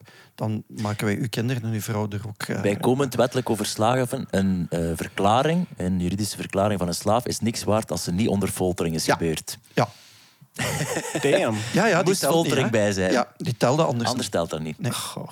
Want een slaaf die zonder foltering zijn meester verraadt of zoiets, die werd ter dood gebracht. Sowieso. Want dat, dat was verraad, dat mocht niet. Je kon niet bijvoorbeeld zeggen als slaaf... Hey, eh, ik weet dat mijn, eh, mijn meester een dien of een dien in het zak gezet heeft of dien heeft laten vermoorden. Als je dat deed, gedaan. Oké. Dat, dat ging niet. En als de staat iemand liet ombrengen, dan was dat ook geen, dat was ook geen moord. Dus dat concept moord bestaat bij de Romeinen niet.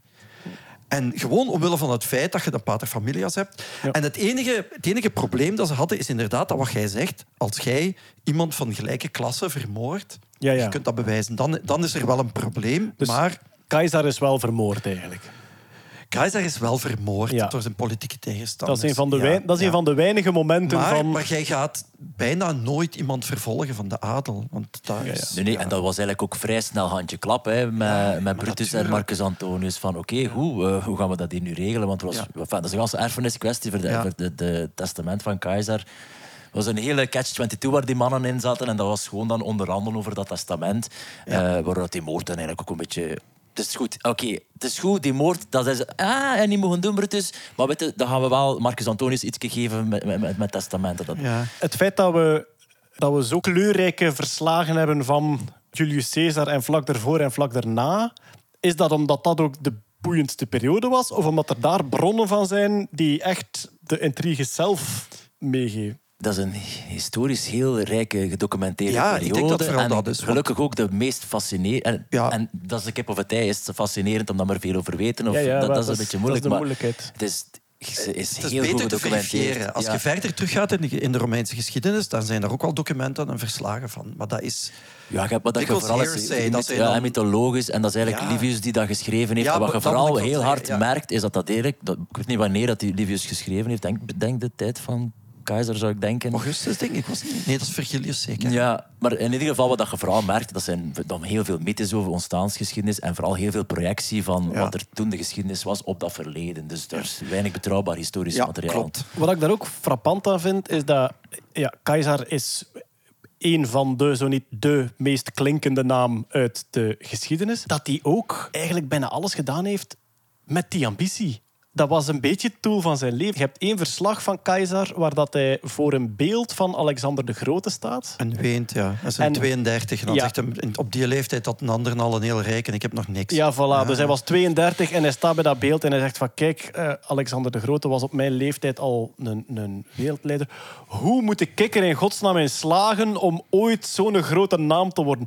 Omdat dat het enige doel in zijn leven was. En hij moest blijten van het idee dat hij misschien niet ging lukken. Maar het feit dat hij wel gelukt is, met dan heel veel chances op het juiste moment. En ook natuurlijk de enorme drive Dikke en pech op ambitie. het einde. Ja, ja, van- ja oké, maar die Ja. dikke pech heeft er. eh, Ja, die dikke nee. pech heeft nog altijd de legende geworden die Ja, hij zeker. hè. zo. Ja, maar ik, ik, wat, ik, wat ik grappig vind, eh, op het Forum Romanum waren dus zogezegd het graf van keizer of de tempel van keizer staat, daar worden nog elke dag bloemen gelegd. Ja. Daar liggen altijd bloemen. En daar waar Ja. keizer is gecremeerd, Ja, die ja, worden waarom elke gecremeerd dag, is, eh, ja. bloemen door mensen In gelegd. Elke dag, hè? 2022. Ja, ja, ja. ja, ja, ja. Damn. Ja.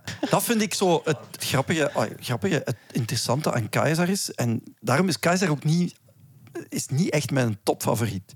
Ik heb het iets meer voor Augustus omdat die was een veel geslepener politicus dan, dan Keizer. Keizer was zo ambitieus, was een hele geniale generaal.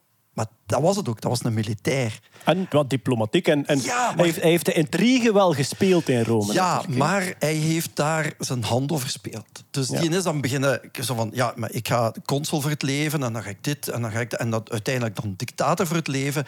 En dan zijn er zo mensen bij die zeggen van, hé, hé, maar dit begint wel erg fel naar koningen te ruiken. En als ze daar in, in, in Rome een allergie voor hadden, dan was het wel voor koningen. Dat vond ik frappant. Hè, van, Ja. Hij wil koning worden. Dat was het, Ja, grootste, maar- het grootste Dat is een gigantisch taboe, hè? Ja, ja. Daar moest je Ja. niet mee afkomen. Nee. Ja. En hij heeft dat dan een paar keer proberen te milderen door, zogezegd, door Marcus Antonius hem een kroon te laten aanreiken tijdens de Spelen, die hij dan heeft afgewimpeld voor de ogen van het publiek. Maar dat heeft niet geholpen. Wat een show. Maar Ja, ook daar, dat is ook heel hedendaags, die PR-stunts die Ja, die organiseert. Dat was hem wel heel goed in. Maar dan vind ik, als je dan ziet, daarop volgend, je hebt dan heel die machtsstrijd hè, tussen eh, Antonius, Marcus Antonius en, en eh, Octavianus, dus Augustus later. Augustus, ik had vroeger altijd een beeld van dat was een hele zachtaardige. Dat was gewoon een uh, man. Die kerel was echt gewoon gewelddadig tot en met in zijn jonge tijd.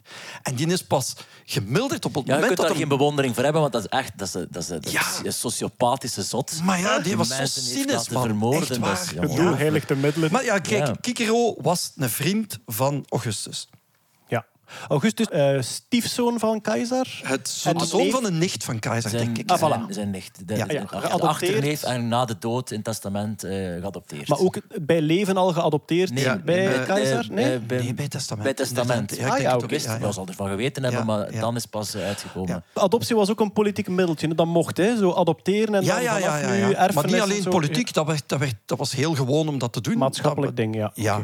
Ja, dus dat was En je was ook de zoon van, hè? Wel, Ja, ja, ja, je dat- zet dan dat ook bedoel ik. werkelijk. het gewoon. hè. Dat bedoel ik. Ja. Zoon van had hele vele rechten en je mocht dat gewoon eh, juridisch-administratief via adoptie regelen dan. Ja, en uw eigen perceptie is ook, ik ben zoon van. Ah, dus Ja. in de afstamming van de wassen maskers... Ja, ja zeker. Ja, ja. Ook al, ook al leven uw biologische ouders nog, maar je bent dan geadopteerd door iemand anders, Ja. dan is dat uw vader. Mijn vader, ik- Ja, ja, ja. Augustus, eh, keizer is dan later vergoddelijkt.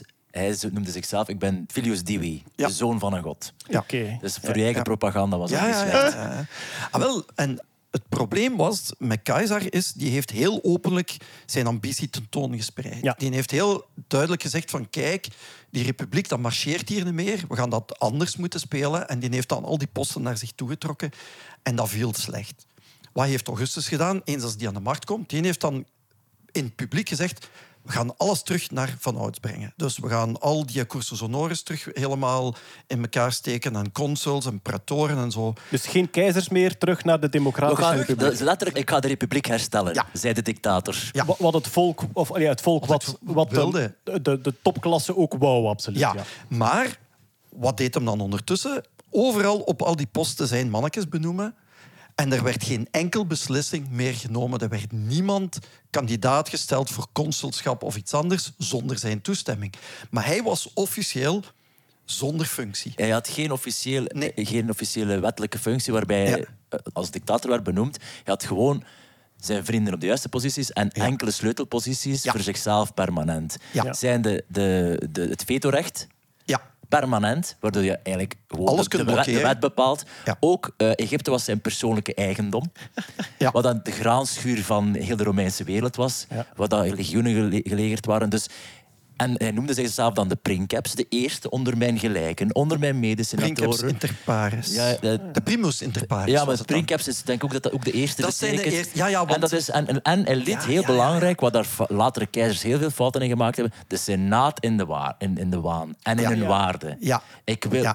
Ik wil, deze, ik wil deze functies neerleggen. Ik wil de republiek herstellen. En Klopt. de Senaat die mocht zeggen: Nee, o nobele Augustus, alsjeblieft, blijf ons leiden. Ja, Een soort ja. Stalinistisch gedoe. Ja, ja. Window dressing, hè? En dat window dressing. En blijf de Senaat paaien. En alle de Caligula's en de Nero's en de Domitiani. Ja. Al die mannen hebben de PR-fout gemaakt om tegen de Senaat in te gaan. Ja. Ja. Gewoon te zeggen van de Caligula, van man, mannetjes toch, Senaat, te kloot. Dat is een fictie van Augustus. Zeggen. De republiek is al lang dood, dat mag Ja. je niet doen. Nee. En het zijn die die verguisd zijn achteraf Ja, of vermoord door, door, Ja. door de Senaat. Behandelt ze gewoon als uw gelijken. En we spelen die fictie de hele tijd. Ja. Ook al zei hij de baas, maar dat mag je niet zeggen. wat dat mij, voor mij ook weer een moment was van het verschil tussen idolatriegeschiedenis of echte handen in de klei geschiedenis. Heel dat Cleopatra-verhaal, dat dat ook gewoon één machtsspel van keizer is. Dus Natuurlijk. Cleopatra wordt... Ik ben echt groot geworden met dat beeld van Cleopatra als een soort mythische, beeldschone Egyptische farao-vrouw. Wat bleek, dat is een Griekse, denk ik? Of een Dat is een Griekse, ja, een ja. Macedonische. Een Macedonische. En eigenlijk is die dan aan de macht gekomen omdat Keizer haar geholpen heeft om haar broer uit de weg te zetten. Ja, ze was getrouwd met haar broer en dat was daar een constante machtsstrijd. En dan is keizer daartoe gekomen. De jongen is in de Nijl verdronken en dat was, eh Dat was Cleopatra aan de voordat, macht. voordat Keizer eh, echt aan zijn top stond, denk ik. Hè? Is dat toen nog in de Eh, macht? nee, dat was na, nee. dat was na de, hij heeft, eh heeft Na Gallië Pompeius al, hè? versla- na Gallië, Pompeius is verslagen. Eh, Dat is juist. ja, ja, ja. Pompeius- wordt ja. vermoord in Egypte. Hij Ja. gaat naar Egypte, hij komt daartoe. Ze geven hem het hoofd van, Pompeius. En ze denken, gaat hij leuk vinden, zijn vijand. En hij zegt van, ah, Gulder durft hij een Romein vermoorden. Hoe durft je? Dus ook weer één, één groot spelletje. eergevoel en, en, en, en dat doe je Ja, niet. ja, Dat is een, Romeins, een Romeinse man vermoorden. Jullie als uh, Egyptisch krapul, excuseer. Ook al dus het die mensen zijn, die hebben ze, die heeft hij dan ook de kop laten afkappen. dan heeft hem Cleopatra aan de macht gebracht. Het, het verhaal van het tapijt, waar ze dan in Keizers paleis werd binnengesmokkeld, dat gaat Ah ja, dat is eigenlijk over het feit dat zij, dat zij angst had voor de troepen van haar, van haar broer. Ze was, even, ze was gaan vluchten, ze was in ballingschap. En ze wou natuurlijk ja, een Romeinse medestander hebben. En die heeft, dan is zij binnengesmokkeld in zijn paleis in een tapijt. Heeft ze hem verleid en zo is het, In eh, Egypte. In Egypte. Oké, ja, en dan heeft ze Keizer verleid en die dacht, dat klikt hier Die wel. dacht van, ik heb hier tien jaar in Gallië gezeten in de sneeuw, met man van die verte venten. Dit is wel iets leuker. Even. En dat is ook... Het weer is ook Er beter. wordt ook, ja, echt. Want er, wordt, want er heeft ook een, reis op de Nijl gemaakt. Mooi en zijn troepen die ook... Even dan oorlog in, in Alexandrië gehad, daarbij. En dan heeft hij hem even pensioen gedaan. Even eh, Ja. ertussenuit. Ja. En dat, want zijn troepen die ook zeiden van... eh, eh, hallo, het zijn er nog wel, eh, en nog wel wat... Pompeius en zoon loopt nog rond en er is wel nog wat werk Ja. eh, aan de winkel. De vijanden zijn nog niet allemaal versla- verslaan. En dan heeft hij Cleopatra, dus ja, die hij eigenlijk nodig had om de broer weg te schuppen, die heeft hij dan meegenomen naar Rome ook, denk ik. Hè? Zij is, op het moment dat, eh, dat hij vermoord is, is hij op, op vakantie. ook op vakantie. Met zijn zoon, hè? Caesarion? Caesarion hij heeft ook een kind gemaakt met, eh, met haar. Ja. Die Augustus heeft dan later Caesarion eh, laten vermoorden, uiteraard. Tuurlijk. ah ja, ja.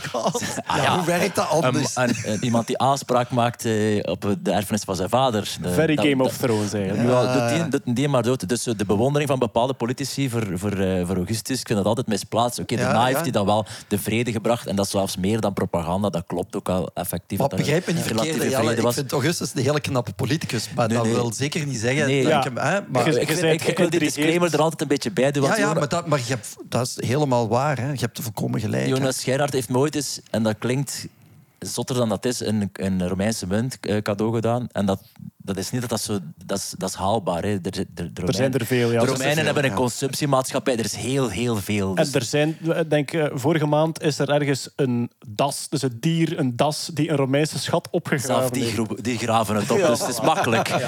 Maar eh, het is geen Oreus, dus het was een bronzen munt. eh, en dat, stertje of wat? ja, ja, dat is, dus dat is allemaal behapbaar. En hij vroeg mij van, ik wil je een kopen. eh, wat is je favoriete keizer? Ik zei, geen één. Dat zijn allemaal klootzakken. Dus ik heb dan Claudius gekregen, eh, heel fijn is. Maar ik wil die bewondering, daar, de fascinatie is iets anders. Maar Ja, ja, maar, bewondering dat- is, eh, is maar daar, heb je, vol- daar heb je volkomen gelijk in. Ja. Het is fascinatie, maar, eh, maar geen idolatrie. Nee, nee, zeker niet. Welke originelen hebben jullie gelezen? Dus, dus, dus de, de schrijvers van toen? Eh, Of heb je daar favorieten in? Ik heb alleen op school in de, in de originele taal gelezen, maar nu lees ik alleen maar vertalingen. Ja, Bella heb ik gelezen, Catharina's ja. redenvoering, veel van, van Plinius over, over, eh, over de Vesuvius. eh. Wacht, we gaan er ja. misschien wat meer uitleggen. Ja, Dus- sorry, dat is heel inderdaad name dropping. Ja. Ah, wel, Dat is, maar Bello Gallico is keizer die schrijft over zijn eigen veroveringstochten in, in, in Gallië. Ja, Pure Die- propaganda. Voilà. Ja. Die- Heel cool. Want dat is ook, eh, dat Ja, is ook tuurlijk. iets... Het feit dat die, dat die verslagen naar Rome gestuurd werden en dat die daartoe kwamen als eigenlijk een beetje als een soort feuilleton. Hè, van Ja. De nieuwe Marvel-film is uit. Er is een nieuw verslag van, van Gallië. En natuurlijk, als je het zelf schrijft, dan klopt het nog een beetje goed op, zodat je echt wel een beetje een heldenstatus krijgt. Maar je kon ook geen, geen totale bullshit schrijven, want zelfs Tuurlijk, de zonen van uw concurrenten zijn, zitten ook bij u in uw leger en geven, die geven ook verslag. Dus je oké, je kunt het oppompen of een beetje informatie weglaten, maar feitelijkheden zijn feitelijkheden. Zijn dingen, zijn inval is twee keer eh, naar, naar eh, Groot-Brittannië gegaan. Was een, was een fiasco eigenlijk, heeft er niks uitgehaald.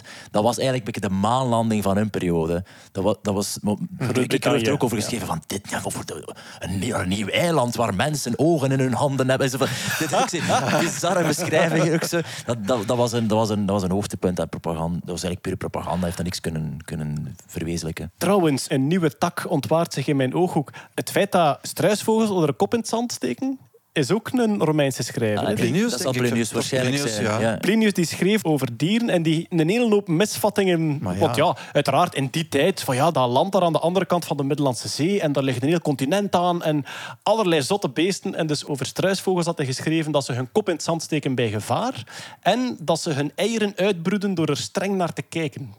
Keizer heeft in, in de Bello Gallic een hele bizarre passage. Als je over Germania schrijft, daar wonen herten, denk ik, of elanden met maar twee of drie poten. En als die willen slapen, leunen die tegen een boom. En als je die wil vangen, duwt je die omver. Dat was een hele rare... Ja, die hadden zoiets van, die hadden geen knieën, dus die konden hun poten Ja, niet plooien. zoiets. Ja. Tja. En, dan, en als je die wou vangen, dan moest je gewoon die een boom half doorzagen. Als die dan daartegen ging leunen, dan viel die boom om en dan had je die beest. Dat was een hele raar etnografisch Ja, ja, ding ja. dat hij plots mee afkwam. Waarschijnlijk omdat er weinig succes was geboekt in Germania. Van, van oei, ik moet hier nog 200 tekens hebben. En de column moet nog De af. column is niet lang genoeg. Ik, ik zal iets verzinnen over elanden zonder knieën. Dus Bello Gallico van Keizer ehm, en dan de redenvoeringen van... Nu de Catilinarische redenvoering ben ik nu toevallig aan het lezen van Kikero. De, ja, eigenlijk Catilina die een staatsgreep wou plegen en hij die als consul. Welke periode? Oh, eh, rond, rond 60 voor Christus, 50, Ja, het zal zoiets zijn. zoiets 50 voor dus Christus. voor Keizer nog. Tijdens, Tijdens Keizer. Tijdens Keizer was- Keizer, eigenlijk Keizer wordt ook van verdacht om, om samen te heulen met, met Catilina. Dat, dat is, Ja. Die Ja. verdenking had hij op zich. Dus Ja. het zijn tijdsgenoten. En Kikero doet dan de redenvoeringen om tegen Catalina in Om te gaan. zeggen, ehm, we hebben nu door, maak dat je weg bent. Er was daar ook een die immens vasthing aan de correcte Romeinse eh, moraal. Eh, Dat is Cato. Hè. Ah ja, de ja. Cato die dat de- constant... De, ouderen en de De jongeren. jongeren. De Die kon- oudere was van Carthago moet vernietigd worden Ja. en de Ja. jongere was heel... Tijdens Keizer. Eh, Conservatief, ja, tradi- Conservatief, traditionalistisch. ja. We moeten Ja. alles doen zoals het, Het enige wat, is door de wat. Cato zo een beetje deed, wat een beetje buitensporig was, dat was zuipen. ja. Ah, ja. de rest was die helemaal, Dus eh, eigenlijk helemaal in de regel met hoe dat het de Romeinse waarden moesten zijn. Alleen Dronk- kon die ongelooflijk zuipen. dronkenschap en, en conservatisme. We hebben net zo... Mooie combinatie. We, hebben- we hebben eigenlijk, we hebben het halve politieke landschap omschreven in twee woorden. Nog auteurs, Plinius... Ja, dat is- Plinius ja, wel. ja. is, je schrijft over, eh, over de- Alle over natuurfenomenen, de- hè? over dingen, de dood van zijn, eh Ja, van zijn. Plinius de ouder, van zijn oom, die admiraal was, die eigenlijk een reddingsactie op, poten wou zetten naar Pompeii. Juist. En dat is waan, dat is En zo zelf willen gaan Dat is- kijken ook. Hè. Ja, die was, eh, die was eh, Ja, Plinius de ouder is gestorven in... in Herculaneum, 79. ja, ja, Herculaneum, op, op het ik, strand. eh, op het strand. Maar er is toch in de podcast toch eh, Ja. sprake geweest dat ze zijn, zijn skelet hebben gevonden waarschijnlijk. wel, ja, Maar- Ja, denk maar dat is zo de kwakgeschiedenis. Maar ja, eh, natuurlijk, daar maar- om de hoek. En dat is, en dat is wat, dat, wat dat ik weet dat jij had en wat dat wij vroeger ook hadden. En waarom dat de National Geographic eh parodieën soms gekomen zijn van hier moet een balk gezeten hebben. de dat neveneffecten soort ja, en dat is hetgeen dat Jona Lendering ook wil tegenin gaan. Journalisten checken dat niet. En je moet altijd oudste, grootste, spectaculairste en, en, en bekendste zijn. Dat is, het moment dat, dat is het moment dat ik echt... En mensen haken af. En dat zijn punten op zijn blog ook van Jona Lendering. Namelijk, je, je wil weten waarom. Het is een wetenschap, maar ze doen foute conclusies. En je, hebt Ja. direct, je zit direct Ja. denkt van nee, het klopt niet, het kan niet kloppen. Ja. En ze geven geen uitleg bij. En waardoor dat je alles eh, wegvaagt van, van geschiedenis. Sepultura, was hem dat? De, de vermeende vader? Pantera, Dat is ja. kwakgeschiedenis, Ah, hè. Ah ja, de, de vermeende vader Dus, van, ah, wel, Van Pantera. Jezus. En, ach, Dat, dat Pantera-verhaal, dat, Ja. is, dat was voor mij de moment dat je dacht van... Laat het. Op, op welke manier concluderen jullie dat? Dus waar komt het op neer? Ehm, de theorie van, goed, er, er wordt daar een jonge vrouw zwanger in wat vandaag Israël is. En die zegt dat dat van een godheid is, maar dat is hoogstwaarschijnlijk van een Romeinse soldaat. En door dat taboe. En dan vinden ze een graf in Duitsland van een zekere Pantera. En ze zien, denk ik, in de geschiedenis van dat legioen... Of ja, ik gebruik de naam weer verkeerd. Van die groep soldaten, ik zal het zo zeggen. Zien ze, die waren de periode dat eh, Maria te veel, bevallen is... te veel veronderstellingen in één Ah, keer. wel ja, dus de, de, periode premissie dat, klopt al niet. de periode dat Maria bevallen is, was die groep soldaten ook in Israël. Dan zou theoretisch die Pantera de vader van Jezus kunnen geweest zijn. Met als gevolg, wat verschijnt er in de krant? De vader van Jezus is gevonden en hij heette Pantera. Ja, ja dat is zo de... Ja. Ja, en dat is heel vervelend. En waardoor dat je gewoon ook een degoe krijgt van geschiedenis, omdat je het het ding van, leg me ook wel uit waarom dat je conclusie maakt, zelf bij dingen die, die echt zijn. Dat mensen willen dat weten. En het is alleen maar roepen en toeteren en heel spectaculaire dingen, waardoor dat niemand nog geïnteresseerd is, omdat we denken, het is toch allemaal bullshit. Ja. En dat vond ik dan bij het, de schedel van Plinius dan, tussen aanhalingstekens...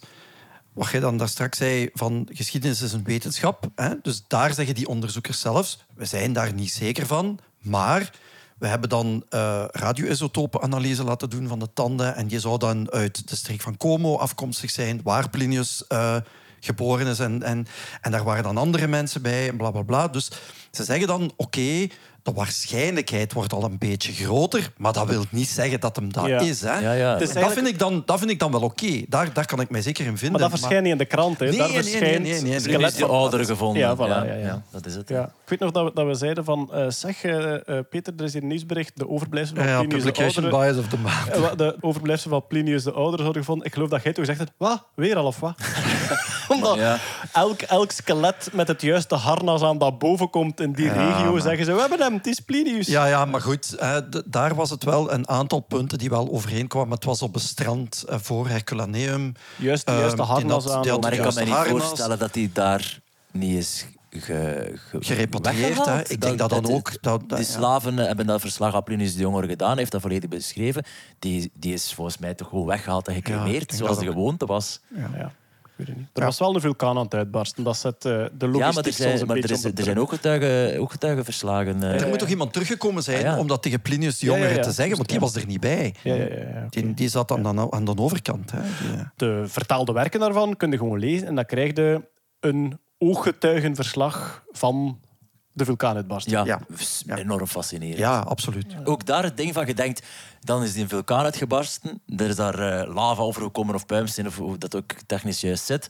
En dan is iedereen dat vergeten en in de 18e eeuw graven we dat op. Dat is niet waar. Ik denk dat onder Titus waarschijnlijk was en daar reddingsacties nog gebeurd. Ja. Nog proberen bergen, bergingsacties. Dus er is, er is ook wel... En Ja. ook, dat is niet... Fuck, oei, de vulkaan. En, en alles is in de tijd bevroren. Er waren, ook, er waren ook heel veel mensen die aan het vluchten waren. Vandaar dat ook heel van die huizen leeg zijn ook. Ja. Dat er belangrijke dingen werden meegenomen. Daar, dat is allemaal iets complexer dan, dan zo'n ding van het leven staat stil en 2000 jaar later vinden we dat terug. Ik kan me voorstellen dat in de jaren daarna, na die uitbarsting, dan, kom, dan komen daar waarschijnlijk wel nieuwe gemeenschappen op. Hè? Want er is, een, er is ook een modern Pompeii. Dus dat gaat ook niet zomaar ineens in de 20e of in de 19e of in de 18e eeuw daar maar ineens komen. Hè? Dat zijn ook gemeenschappen die daarna terug ontstaan op de plaats waar dat het vroeger was. Hè? Ja, en er zijn ook tunnels van ro- rovers in, uit die Eh, periode. ja, dat ja, ook ja, ja, zeker. we gaan daar Ja. gaan graven, want daar zit gewoon rijkdom in die huizen. Ja. Ja, ja, ja, dat. Ja. Heb jij niet ooit een vraag gehad in De Slimste Mens? Ehm, eh, Bart de Wever zat ook in dezelfde aflevering. En er werd, er werd een fragment voorgelezen en jij wist welke schrijver dat was. Ja, en toen heb ik de bewondering gekregen van Bart de Bever. Klopt, ja. Maar weet je nog ik nu niet welke... per se naar hengel, Maar, eigenlijk. maar weet je nog welke schrijver dat was? Nee, ik denk dat Marcus Aurelius was. Ah ja, oké. Ja, dus eh, de keizer die zelf een filosofische Ja, werk, eh, ja, werk ja. schreef. Heel Ah, genuanceerd eh, werk. Dat nog altijd eh, gelezen wordt. Ja. Wat ook heel interessant is, vind ik ook. hè. Marcus Aurelius vind ik wel... Maar ik heb niet alles van hem gelezen, maar... Ja, het was, het was een echte filosoof. En die kerel zat eigenlijk niet graag op de troon. Hè. Die wou daar eigenlijk niet echt zijn. Nee, Dat, zijn, dat vind ik altijd intrigerende figuren. Zo van die machthebbers tegen wil en dank. Dat Ja, heeft wel iets, ja, vind ik. ja. Ja, dat is ook, omdat dat ook een kutjob is, hè, zo keizer. En Maar dat is ja, zeker Plinius- schrijft met Trajanus, eh, denk ik. Ja. En dat is ook zo, wat moet ik hier doen met die christen? En die Trajanus moet ook zitten van, hey, dude, jongen, allee, ik stuur je naar Ja, die daar. Plinius was eigenlijk wel zo'n Rust, hè. hè, ja. Die, die durfde geen beslissingen nemen. Dus, Ah, ja, en dan schreef hij naar, persoonlijk naar de keizer. Zo van, ja, maar met die christenen, wat moet ik hier nu? Hè? En dat Trajanus dan zo zei, gast, hè, Laat het aan, zo, ja. laat het zo. hè. Ik heb Je genoeg aan er met de niks kop. mis. Ja. Ehm, wat ik ook wel interessant vind, is Vitruvius. Dat is een ingenieur. En dan, die beschrijft dan hoe je katapulten en zo moet bouwen. Dat vind ik ook wel. Of belegeringstechnieken en zo. Van De Vitruvius-man. Ja, daar, ik weet niet of die daarop gebaseerd is. Hij wordt zo wel genoemd. maar Vitruvius was een Romeins, eh, Ah, ja. Romeins eh, ingenieur, militair ingenieur. Ja, die, ja, ja. eh, En die, die heeft ook dingen geschreven die je kunt lezen in vertaling dan. ja, ik heb het boekje gelezen thuis. Denk ik. Ja.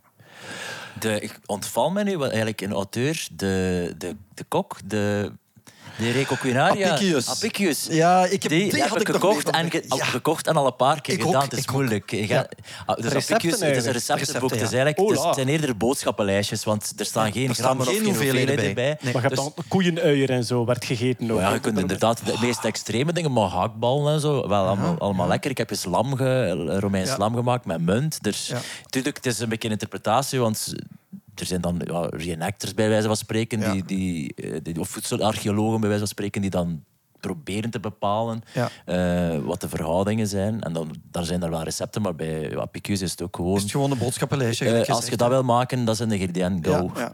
Doe Ja. een beetje vandaan, doe er wat vandaan, doe er wat vandaan. En dan trekt u een plan. Hè. Ja. We hebben het constant over vertalingen. Eh, heb iemand van ons nog in het Latijn gelezen na het middelbaar? Ik, eh, wat, af en ik, wat ik mij bezig mee heb gehouden, ook een keer in een verloren zomer, is met grafsch- eh, grafschriften Ah, ja, te leren oh, lezen. ja. Vreselijk moeilijk. is constant afkortingen. Ja, heel veel, Maar het veel staande uitdrukkingen die er altijd wel terugkomen. En na een Ja. tijd is dat wel tof als je in een museum bent. Want dat zijn gewoon allemaal van die, die, die, die grafstenen waar teksten op staan. En ik probeer dan altijd eerst zelf een beetje te vertalen en dan naar de vertaling te kijken. Ik ben echt een Ja, ik doe, ik, doe, ik doe net hetzelfde. Ik ben heel erg. Ik, ik heb ook al, kom alles eruit. Ik heb ook al ehm, eh, meegedaan aan een reenactment dat ik zat te eten in een toga. Er zijn foto's van Xander de Rijke die een keer online geplaatst. De rotzak. Mijn, mijn Lego-tempel was niet mijn laatste tempel, lieve. Ik heb er nu op mijn zolder in staan in Playmobil. Playmobil heeft geen Romeinse tempels, ik wel. Dus ik koop stukken, ik koop stukken Playmobil van villa's en huizen en, en zuiletjes. En dan maak ik dan eh, Romeinse tempels mee. Is veel te groot ook. Moet eens komen kijken. Die ook zo goed mogelijk moet kloppen. Hallo, een ja. foto. Stuur eens een foto. Ik heb bij, ik kan het enige wat ik deed was Romeinse kampen bouwen. Dat, dat deed ik. En ik had, Leven eh, zegt... eh, Ja, nee, dus ik had zo van die eh Airfix-mannetjes. Ken je dat nog? Zo, je had, eh, vroeger was dat eh, een merk, Airfix. En die maakte schaalmodellen van eh, legers, van Ah, militaire dingen. Dus tanks, maar ook, eh, ook soldaten. Van elke... ja, plastic- elke plastieke soldaatjes had ik ook, maar Ja, nooit, ja. nooit van de Romein. Ja, ik wel. Ik had alleen maar de Romein en de Galliërs. Dat vond ik ook iets heel boeiend aan die, die oorlogsvoering van die Romeinse legers.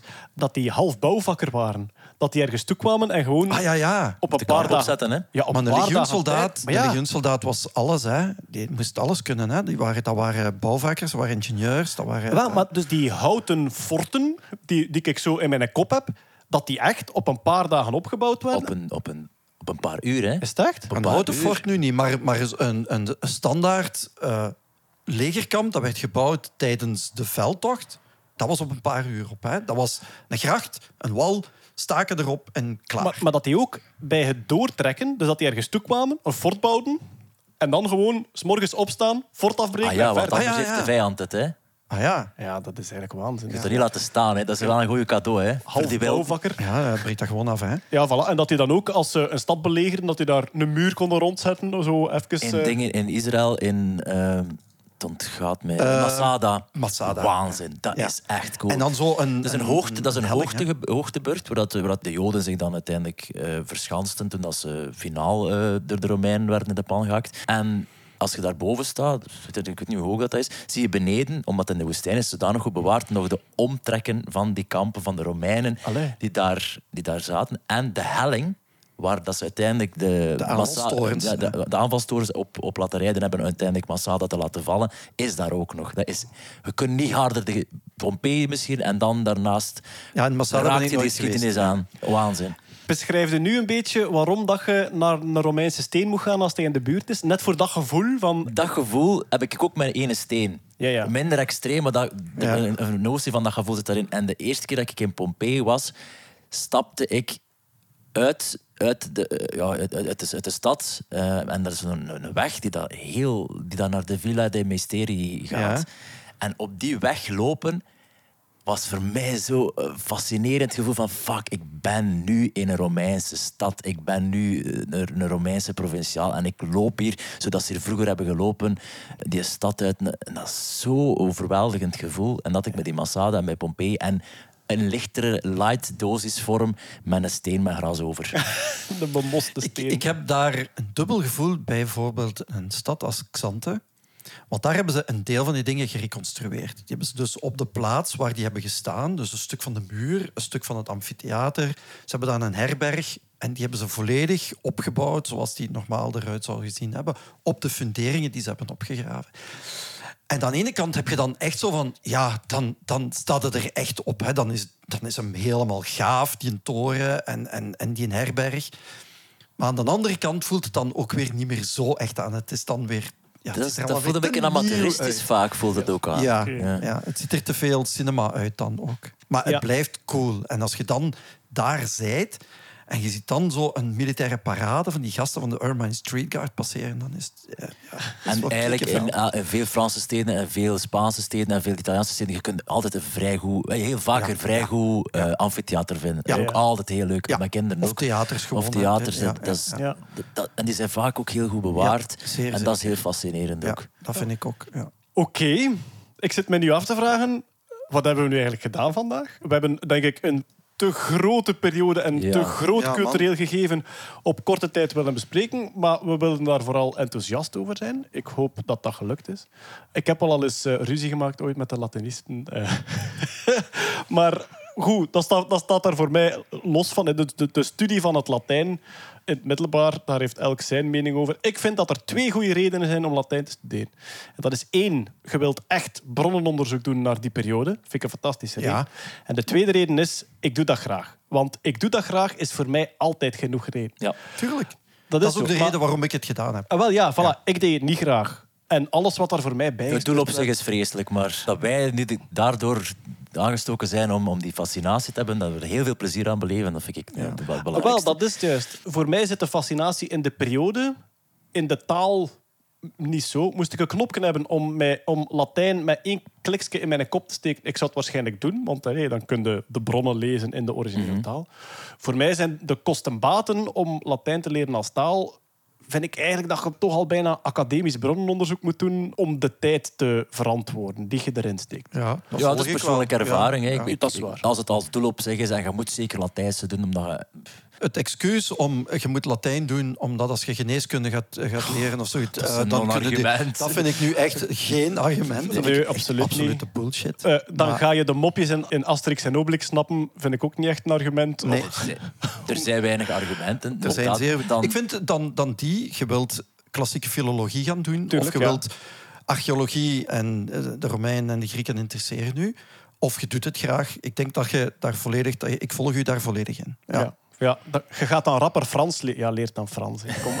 Ja, ja. ja. Nee, nee, je moet Het, enige wat ik heb opgestoken, en, eh, maar goed, dat is ook weer eh, heel persoonlijk en heel arbitrair. Ik heb wel geleerd om hele moeilijke zinsconstructies wel uit elkaar te rafelen. Ja, ja, ook, in, ook in andere talen. Dat leer je wel, dat is een bepaalde techniek. Ja. Maar dat kun, je op, dat kun je met een andere taal ook. Ik bedoel, dat kun je Ja, ja, ook zo leren. Daar hoef je Ja, geen maar ik Latijn denk voor te ook kunnen. dat, dat, dat analytische en zo, dat, dat wordt getraind, maar dat wordt met wiskunde ook getraind. Voilà, en dat is misschien voilà, pragmatisch nuttiger Ja. dan, dan, dan Latijn. Ja, ja, maar absoluut. Ik heb, daar, ik heb daar alleen maar goede woorden over. Jij hebt het heel graag gedaan ook, hè? Ik heb dat heel graag gedaan. En ik, eh, inderdaad, ja, dat is geen argument om te zeggen, ik heb veel, mijn taalgevoel is, is al vrij sterk en waar. wordt daardoor nog veel sterker. Mijn Duits ging veel vlotter, omdat ik mijn... Maar ja, inderdaad, kun je ook zeggen, leer dan Duits, maar... Het is geen argument om het per se te gaan doen, maar dat is wel... ik heb, er heel, het ik, gedaan ik had, heb er heel veel aan... Goede dingen aan over... Ik heb Italiaans geleerd, ver- moeiteloos, omdat ik, omdat ik Tuurlijk, Latijn ja. kan. Dus eh, va- voor mij is dat heel nuttig geweest. Los van Latijn, het ging ons hier eh, de voorbije twee uur veel meer over de periode zelf. Het gaat hem voor mij over beleving. hè. Het gaat hem over geschiedenisbeleving. Gelijk dat Peter en ik, gelijk dat wij in de podcast het meer over wetenschapsbeleving hebben Ja. dan over, over eh, eh, het verslaggeven zelf. Voor mij is die beleving nieuw. Ik heb eigenlijk nooit echt iets gehad met geschiedenis tot als ik aan die Dan Carlin Ja, het is zot dat je in één keer zo medestander geworden bent. Ja. Maar ja, Maar, om- dat is ook de volledige verdienste van de storytelling van die mens. En hetgeen dat ik zei in het begin... Ik heb iemand nodig gehad, een Dan Carling, die het enorme bronnenonderzoek zelf ging doen en dan zijn fascinatie op de juiste, gepassioneerde manier naar mij overbracht. En jullie hebben het op een andere manier gedaan, namelijk jullie zijn vanuit een eigen interesse, wat ik dan meer doe met wetenschap, vanuit een eigen interesse die bronnen ingedoken en heb daar zelf het, het, de rijkdom van het verhaal in ontdekt. Ik hoop dat zoveel mogelijk eh, mensen, en dan jongeren in het bijzonder, zo snel mogelijk geschiedenis in kleur kunnen beleven, in plaats van in schema's en feitelijkheid. En ik heb geen zicht op het middelbaar onderwijs van dit moment, maar als het gaat over zo jaartallen en machthebbers, ja, Dan Carlin heeft ook een fantastische aflevering over heel de Persisch-Griekse oorlogen, helemaal in het begin, Battle of Thermopylae, Marathon dan ook. En de manier dat hij daar schrijft ook over die machtsverhoudingen van het gigantisch machtige Perzië en eigenlijk de rebelse grensprovincie. Griekenland. En dan die 300 Spartanen die dan dat Perzische leger tegenhouden in, in Thermopylae, heeft mij zodanig veel beleving meegegeven. Mijn kinderen kregen nu les over de Spartanen. En ik had de indruk, van op afstand alweer, dat die toch een beetje hetzelfde lijstje moeten leren van... Dat is het Ze, probleem. gooi- ze gooiden de kinderen van de rotsen. What's En- not to like aan geschiedenis? Ja, dat dat- zijn verhalen. Als je de Romeinen een beetje op een goede manier leert kennen, je moet fan zijn. Je moet... Ja. Het Je kunt niet anders kunt als niet je je, moet, fan- Ja. je moet fan zijn. Het is Ja. te cool. Misschien hebben we het zelf nog niet genoeg overgebracht, maar als leraars vergeet dat inderdaad, die kaartjes en die dingen gaan dat, dat toch niet. Dat is, ik, ik, ik, ik sla dat zelf over in, Ja. in, een, in een boek. Vertaal mij een verhaal. Hè. Ik heb een paar keer op Radio 1 iets over Romeinen verteld en vroegen ze over, over, de, over de Rubicon. Ik krijg nooit zo goede reacties als dat ik dat doe. Namelijk een beetje geenthousiasmeerd, een verhaal vertellen dat fascinerend is. What's not to like about Cleopatra? What's not to like? Waarom? Dat, is het- dat zijn van de beste verhalen dat er zijn. Maar dat en als je juist. vertelt, als verhaal en Ik- iedereen ik is heb, mee. Ja, ik heb daar echt zo een, een van, van Cleopatra. Voor mij was dat eigenlijk, je zou bijna kunnen zeggen, een zeer geïdealiseerde hieroglyftekening. Ik had daar een soort beeld van heel. Vlak- Dat schort, dat ja, schort erom, vlak. dat is een zwart-wit prentje in een oude muffenboek. En Dat is wel, dat. Maar de moment dat je dan het hele verhaal krijgt van... Ah ja, die was eigenlijk ook maar een pion in de machtsstrijd die het heel slim gespeeld heeft, maar die eigenlijk... Ze sprak zeven talen. Je, je, kunt daar, je kunt daar afbeeldingen zien. Als je er een keer daarin induikt, en dat worden echte mensen en dat wordt echt een plot. Mensen kijken constant Netflix. Hè. Dat Ja, is Netflix. ja, hè. Dit- dat is Netflix. Oh ja, maar dat is waar. Dat is absoluut waar. En ik denk dat we het zo misschien wel kunnen samenvatten wat deze podcast hopelijk kan bereiken. Als je weinig tijd hebt, zoals ik, maar je wilt wel echt een keer meegesleurd worden en gebeten worden door die periode, kies dan die Dan Carlin podcast. Je zit echt wel reclame aan het Maar ik maken. ben... Of HBO Rome. Dat is een HBO goeie- Rome, goeie- goeie ja, lijst. ja, Zeker het eerste Ja. seizoen. Ja. Ja. Het tweede seizoen is, Ja. vond ik iets minder, maar het eerste seizoen is echt wel heel goed. Ja. Voilà. Maar dus, dat is voor mijn standpunt vanuit ons drie eigenlijk de snackbar versie, eigenlijk de Picky Burger versie, maar wel kwalitatief van Ja. wat het was. Ja. En bij jullie is het meer van, oké, als je nu echt gebeten bent en je wilt nu echt een keer Romeinen nerd worden, dan gaan wij ja, de leeslijst online zetten op, bij de show notes. Ik zal eens kijken. eh, ik heb nog zo een- die mannen gefilmd, eh, die van de Ermine Street Guard, met hun, hun op de... Ik ga dat daarbij zetten. Voilà. Als alles goed gaat, dan zetten we daar een filmpje bij van eh, de reenactors die Peter gefilmd heeft. En uiteraard En een Playmobil-tempel. En een foto ja, van ja. de Lego-tempel op vakantie en de Playmobil-tempel. Misschien Op ook met een kort verslag erbij van welke precieze details dat er allemaal... Zien of ik mijn Mannetjes... Daar deed ik, in plaats van te studeren, was ik die aan het schilderen. Hè. Ah ja, oké. Ja, ja, ben nuttig bezig hoor. Het gaat over Ja, ja. Latijn. Maar Zelfs met, met één haar, zelfs de zweepslagen, eh, sporen op de slaven hun rug zo getekend. Ook voor detail, hè. ja, met een sardonisch genoegen waarschijnlijk. Hmm. Kleine Peter zit weer te grinniken op zijn kamer. Haha, haha. Is weer slaven aan het mishandelen. Ja. Oké, voilà. Dan dank ik jullie allemaal hartelijk om te luisteren tot hier. We hebben een beetje enthousiasme gedeeld. Hè. Dit keer met Jelle de Beulen en Peter Berks over de Romeinen. Tot de volgende keer. Bye. Dag. You.